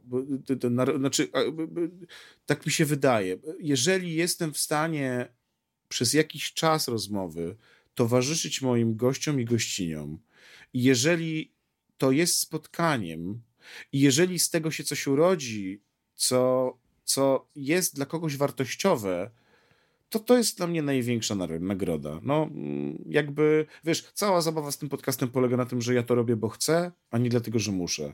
Myślę, że gdybym musiał, to wyglądałoby to pewnie trochę inaczej. Nie mówię, że mniej profesjonalnie, ale trochę inaczej. A, a fajne jest to, że to. Yy, i tam wiem, że na górze się pojawiło takie pytanie, ktoś napisał, no nie ma zbyt dużych zasięgów, ale, ale spoko, polubiłem. Czy tam polubiłem. Ktoś tam napisał, bardzo dziękuję za to polubienie. To ja od razu też to kompletnie nie chodzi o zasięgi. To znaczy, ja, mm, znaczy jest mi bardzo miło, jak Państwo zasubskrybujecie i ten, będę super y, zadowolony. Natomiast jakby zabawa jest inna. Czasami wiesz, jak słuchamy podcastów, że jeden odcinek tu i coś nas poruszy, potem wędrujemy gdzieś indziej, y, ale samo to, że ktoś gdzieś, coś w kimś zostaje. Jakaś namiastka tej historii, którą próbowaliśmy razem z autorką czy autorem opowiedzieć, to to jest, y, y, to, to, jest to, co, co jest chyba ważne, nie? No bo z tego pamiętamy. I to jest fajne właśnie, że to zostaje. Że wiesz, to nie jest ta chwilowość radia, że to uciekło. Tylko to, dopóki tego sam nie zdejmę, będzie już zawsze y, w sieci. No albo nie padną serwery. Nawet nie chyba, a na pewno y, ja jednak będę się upierać w takim razie, że jesteś dulem męskim, jak tutaj y, orzekłeś, bo tak jak myślę o Sabinie, y, ona daje rodzącej poczucie bezpieczeństwa. Mhm. I jak myślę o rozmowie, to jeżeli dasz komuś poczucie bezpieczeństwa i stuprocentową uwagę, to on się otworzy. Jeżeli będziesz w biegu, mhm. no nie, więc ta kategoria kuszer słowa jakoś, będę mnie, możesz się z tym nie zgadzać, ale ja będę sobie tak o tobie myśleć. Ale to no rzeczywiście, znaczy, jeżeli, chodzi o, jeżeli chodzi o taką metaforę, że, że o, o, tym Sabina, mam nadzieję, powie w nowym odcinku podcastu Alfabet Wojtusika, że to jest też towarzyszenie, czyli też wsłuchiwanie się. Znaczy, Sabina, mogę zdradzić, mówi w pewnym momencie, że ona, że ona nie ma wykształcenia, znaczy ona nie ma formalnie możliwości medycznych. Ona nie jest pomocą medyczną przy porodzie wsparciem mhm. medycznym. Ale jest tak. coś takiego, że trzeba jechać do szpitala i ona patrzy na człowieka i wie, że to już teraz. I myślę, że to wynika we, ze wsłuchania się w człowieka. Jeżeli idziemy tą ścieżką i tak na to spojrzymy, to to, co właśnie teraz y, powiedziałaś, nie wprost, to jest bardzo głęboki komplement i miły dla mnie, za co bardzo Ci dziękuję, bo myślę, że to, czego nie potrafimy i ciągle musimy się uczyć, ja również, bo jestem osobą również dużo mówiącą, to słuchać. To znaczy, myślę, że 80% dobrej rozmowy polega na słuchaniu, czyli na czymś odwrotnym niż na przykład mamy w rozmowach polityków, gdzie chodzi o to, że kto kogo bardziej, nie? Kto mu komu wsadzi, kto komu dowali. To nie jest MMA, no. To jest rozmowa i dotykamy często bardzo miękkich rzeczy. E, bawimy się, nie bawimy się emocjami e, i, i trzeba to robić uczciwie i słuchać, no. I być przygotowanym. Amen. Pani Ela napisała, bardzo lubię atmosferę spotkań pana Łukasza zawsze. Jeżeli państwo też lubią, to jeszcze podpowiem, że można głosować, bo tak się składa, że alfabet y, Wojtusika dzięki słuchaczom i słuchaczkom ma podwójną nominację. Mm, yes. Opowiem ci, prawda? E, to mhm. jest y, to miejsce, do którego warto zajrzeć. Dwie nominacje w kategoriach podcast i dziennikarz. Głosowanie trwa chyba do, y, to jest początek stycznia mniej więcej, ósmy, dobrze pamiętam, czy mi umknęło? Na pewno teraz do końca musisz... tego roku, więc najlepiej zgłosować teraz i mieć z głowy. O, Słuchaj, powiedzieliśmy przy okazji y, mieszkania Wisławy Szymborskiej, że dzisiaj stoisz na wydawcę. E, to zamknę takim wątkiem kulinarnym, e, bo chcę się od ciebie jeszcze dowiedzieć, na co masz taki największy apetyt w 2023 roku. Czego byś chciał spróbować i książkowo, i literacko, tak branżowo, ale też kompletnie możemy wyjść y, poza rozmowę dotyczącą literatury na łazanki. Właśnie teraz mi uświadomiłeś, że zjadłbym łazanki. Ja też. No i kto ma te łazanki teraz? Znaczy ja wiem, kto robi świetne łazanki. E, zaraz pójdę negocjować. E, natomiast między innymi, no i, no, no i w związku z tym, że moja żona, i tutaj nie zdradzę tego przepisu, robi najlepsze głupie ciasto. Tak je nazywamy w domu. To na głupie A na czym polega głupota ciasta? No, że ono jest tak głupie, że jest niemożliwe, żeby smakowało. Znaczy tak głupio proste. E, no, e, tak. E, mm, ono jest również nazywane często ciastem godzinnym, ponieważ znika w ciągu godzin. Mm, natomiast to takie najbliższe. Ciasto. Godzilla ja bym była, bo ja bym jadła cały czas, bym się zamieniała w Godzilla. Godzinne się staje Godzillą. I co jeszcze? O, załatwiłem sobie ciasto od mojej żony. Dzięki. Dziękuję ci. To było bardzo ważne. To było bardzo ważne. Bardzo dziękuję. Proszę. W ogóle nie wiedziałem, że na nas słucha. E, E, zupełnie poważnie, wiesz co, mm, życzmy sobie tego, żebyśmy mieli wokół dobrych ludzi, także ci tych, którzy słuchają i tych, którzy, z którymi można rozmawiać i życzmy sobie tego, żebyśmy nie zatracili umiejętności spotykania się przy stole i rozmawiania mimo różnic politycznych, mimo różnic różnego spojrzenia na świat y, y, i żeby literatura była pretekstem do rozmowy, a nie pretekstem do tego, żeby wychodzić na ulicę i i brać ją na sztandary, bo myślę, że to zawsze prowadzi do czegoś złego. E, I tego bym chciał sobie życzyć. A książkowo, na co czekam? Czekam na przykład na nową książkę Zośki Papużanki, mm, bo jak zwykle będzie bardzo dobra. A już się A tak urodziła? Zupełnie... To nie jest pytanie do mnie, to jest pytanie do mojej żony. To no, tutaj jest bardzo dobra, czyli już się urodziła. Okej, okay, no, dobra. E, a tak zupełnie szczerze, to mm, wiesz co, nie. No, są takie rzeczy, na które czekam. Bardzo chciałbym przeczytać coś nowego od Maćka Siembiedy. Ja też trochę, wiesz co, nie mam czegoś takiego, że ojej, muszę przeczytać przed innymi. Nie, nie mam. My mamy często takie możliwości. Weroniko potwierdzi, że tak jest, że piszą do nas, żebyśmy, a może miesiąc wcześniej się zapoznali, ale nie. Y, zobaczę, co przyniesie czas. No, może jakiś Jakobsen nowy, e, na pewno, e, o, wiem, bardzo liczę na to, że e, Irena Makarewicz napisze e, e, to, co mi obiecała w podcaście, czyli że zakończy pisanie takiej monografii, pierwszej polskiej monografii Szandora Marojego, którego bardzo cenię i bardzo chciałbym z nią o tym porozmawiać. Jesteśmy umówieni. Mm, no i mam takich wiele rozmów, do których chciałbym wrócić, a w zasadzie chciałbym zrobić odcinka o część drugą, więc myślę, że na te rzeczy czekam, a resztę przyniesie czas. Teraz właśnie czytam e, e, e, e opowieść o Modrzejewskiej i Sienkiewiczu. W międzyczasie e, jeszcze przygotowuję się do dwóch innych spotkań, więc mam trochę innych rzeczy do czytania. Wracam do opowieści Szymiczkowej do Złotego Rogu, czyli do Tarczyńskiego i Denela. E, no więc no jest coś, jest do czytania sporo na bieżąco. Państwo dziękują. I jeszcze jedno pytanie, bo już miałam zamykać, ale to Państwo decydują, kiedy tutaj nastąpi finał. Słuchaj, a może by tak cyklicznie. Czwartkowe wieczory, wymiany myśli. Jeśli tylko zostanę zaproszony, przyjmę rękawice. Znaczy, y, y, no to pomyślmy nad tą formułą, bo myśmy z Weroniką kiedyś rozmawiali, że może by coś zrobić fajnego a razem. A potem nas e, wir więc... pracy wessał.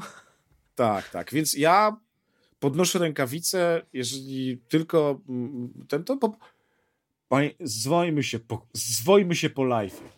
Dobra, czyli runda pierwsza. Pani wchodzi teraz z rundą pierwszą, ciąg dalszy nastąpi. Bardzo dziękuję. Łukasz Wojtusik spędził z Państwem dwie godziny 10 minut. Pan się tak, położy pani spać, Anna napisała, że pobiliśmy rekord. Tak, tak, tak. No to mhm. rekordziści. Dobrej nocy, rekordzisto. Uściskaj e, Zośkę. Chociaż dla mnie panią Zosię, bo my się nie znamy jeszcze osobiście, to jest w ogóle jakieś niedopatrzenie straszne, e, więc e, uściskaj i Wanda mam nadzieję, że będzie nakarmiona, bo trochę się obawiam, że ona mogła być głodna. My tutaj karmiliśmy słowem czas na konkret w misce. Dobrze, idę sprawdzić, co tam w misce i y, y, spytać, na kiedy ciasto będzie.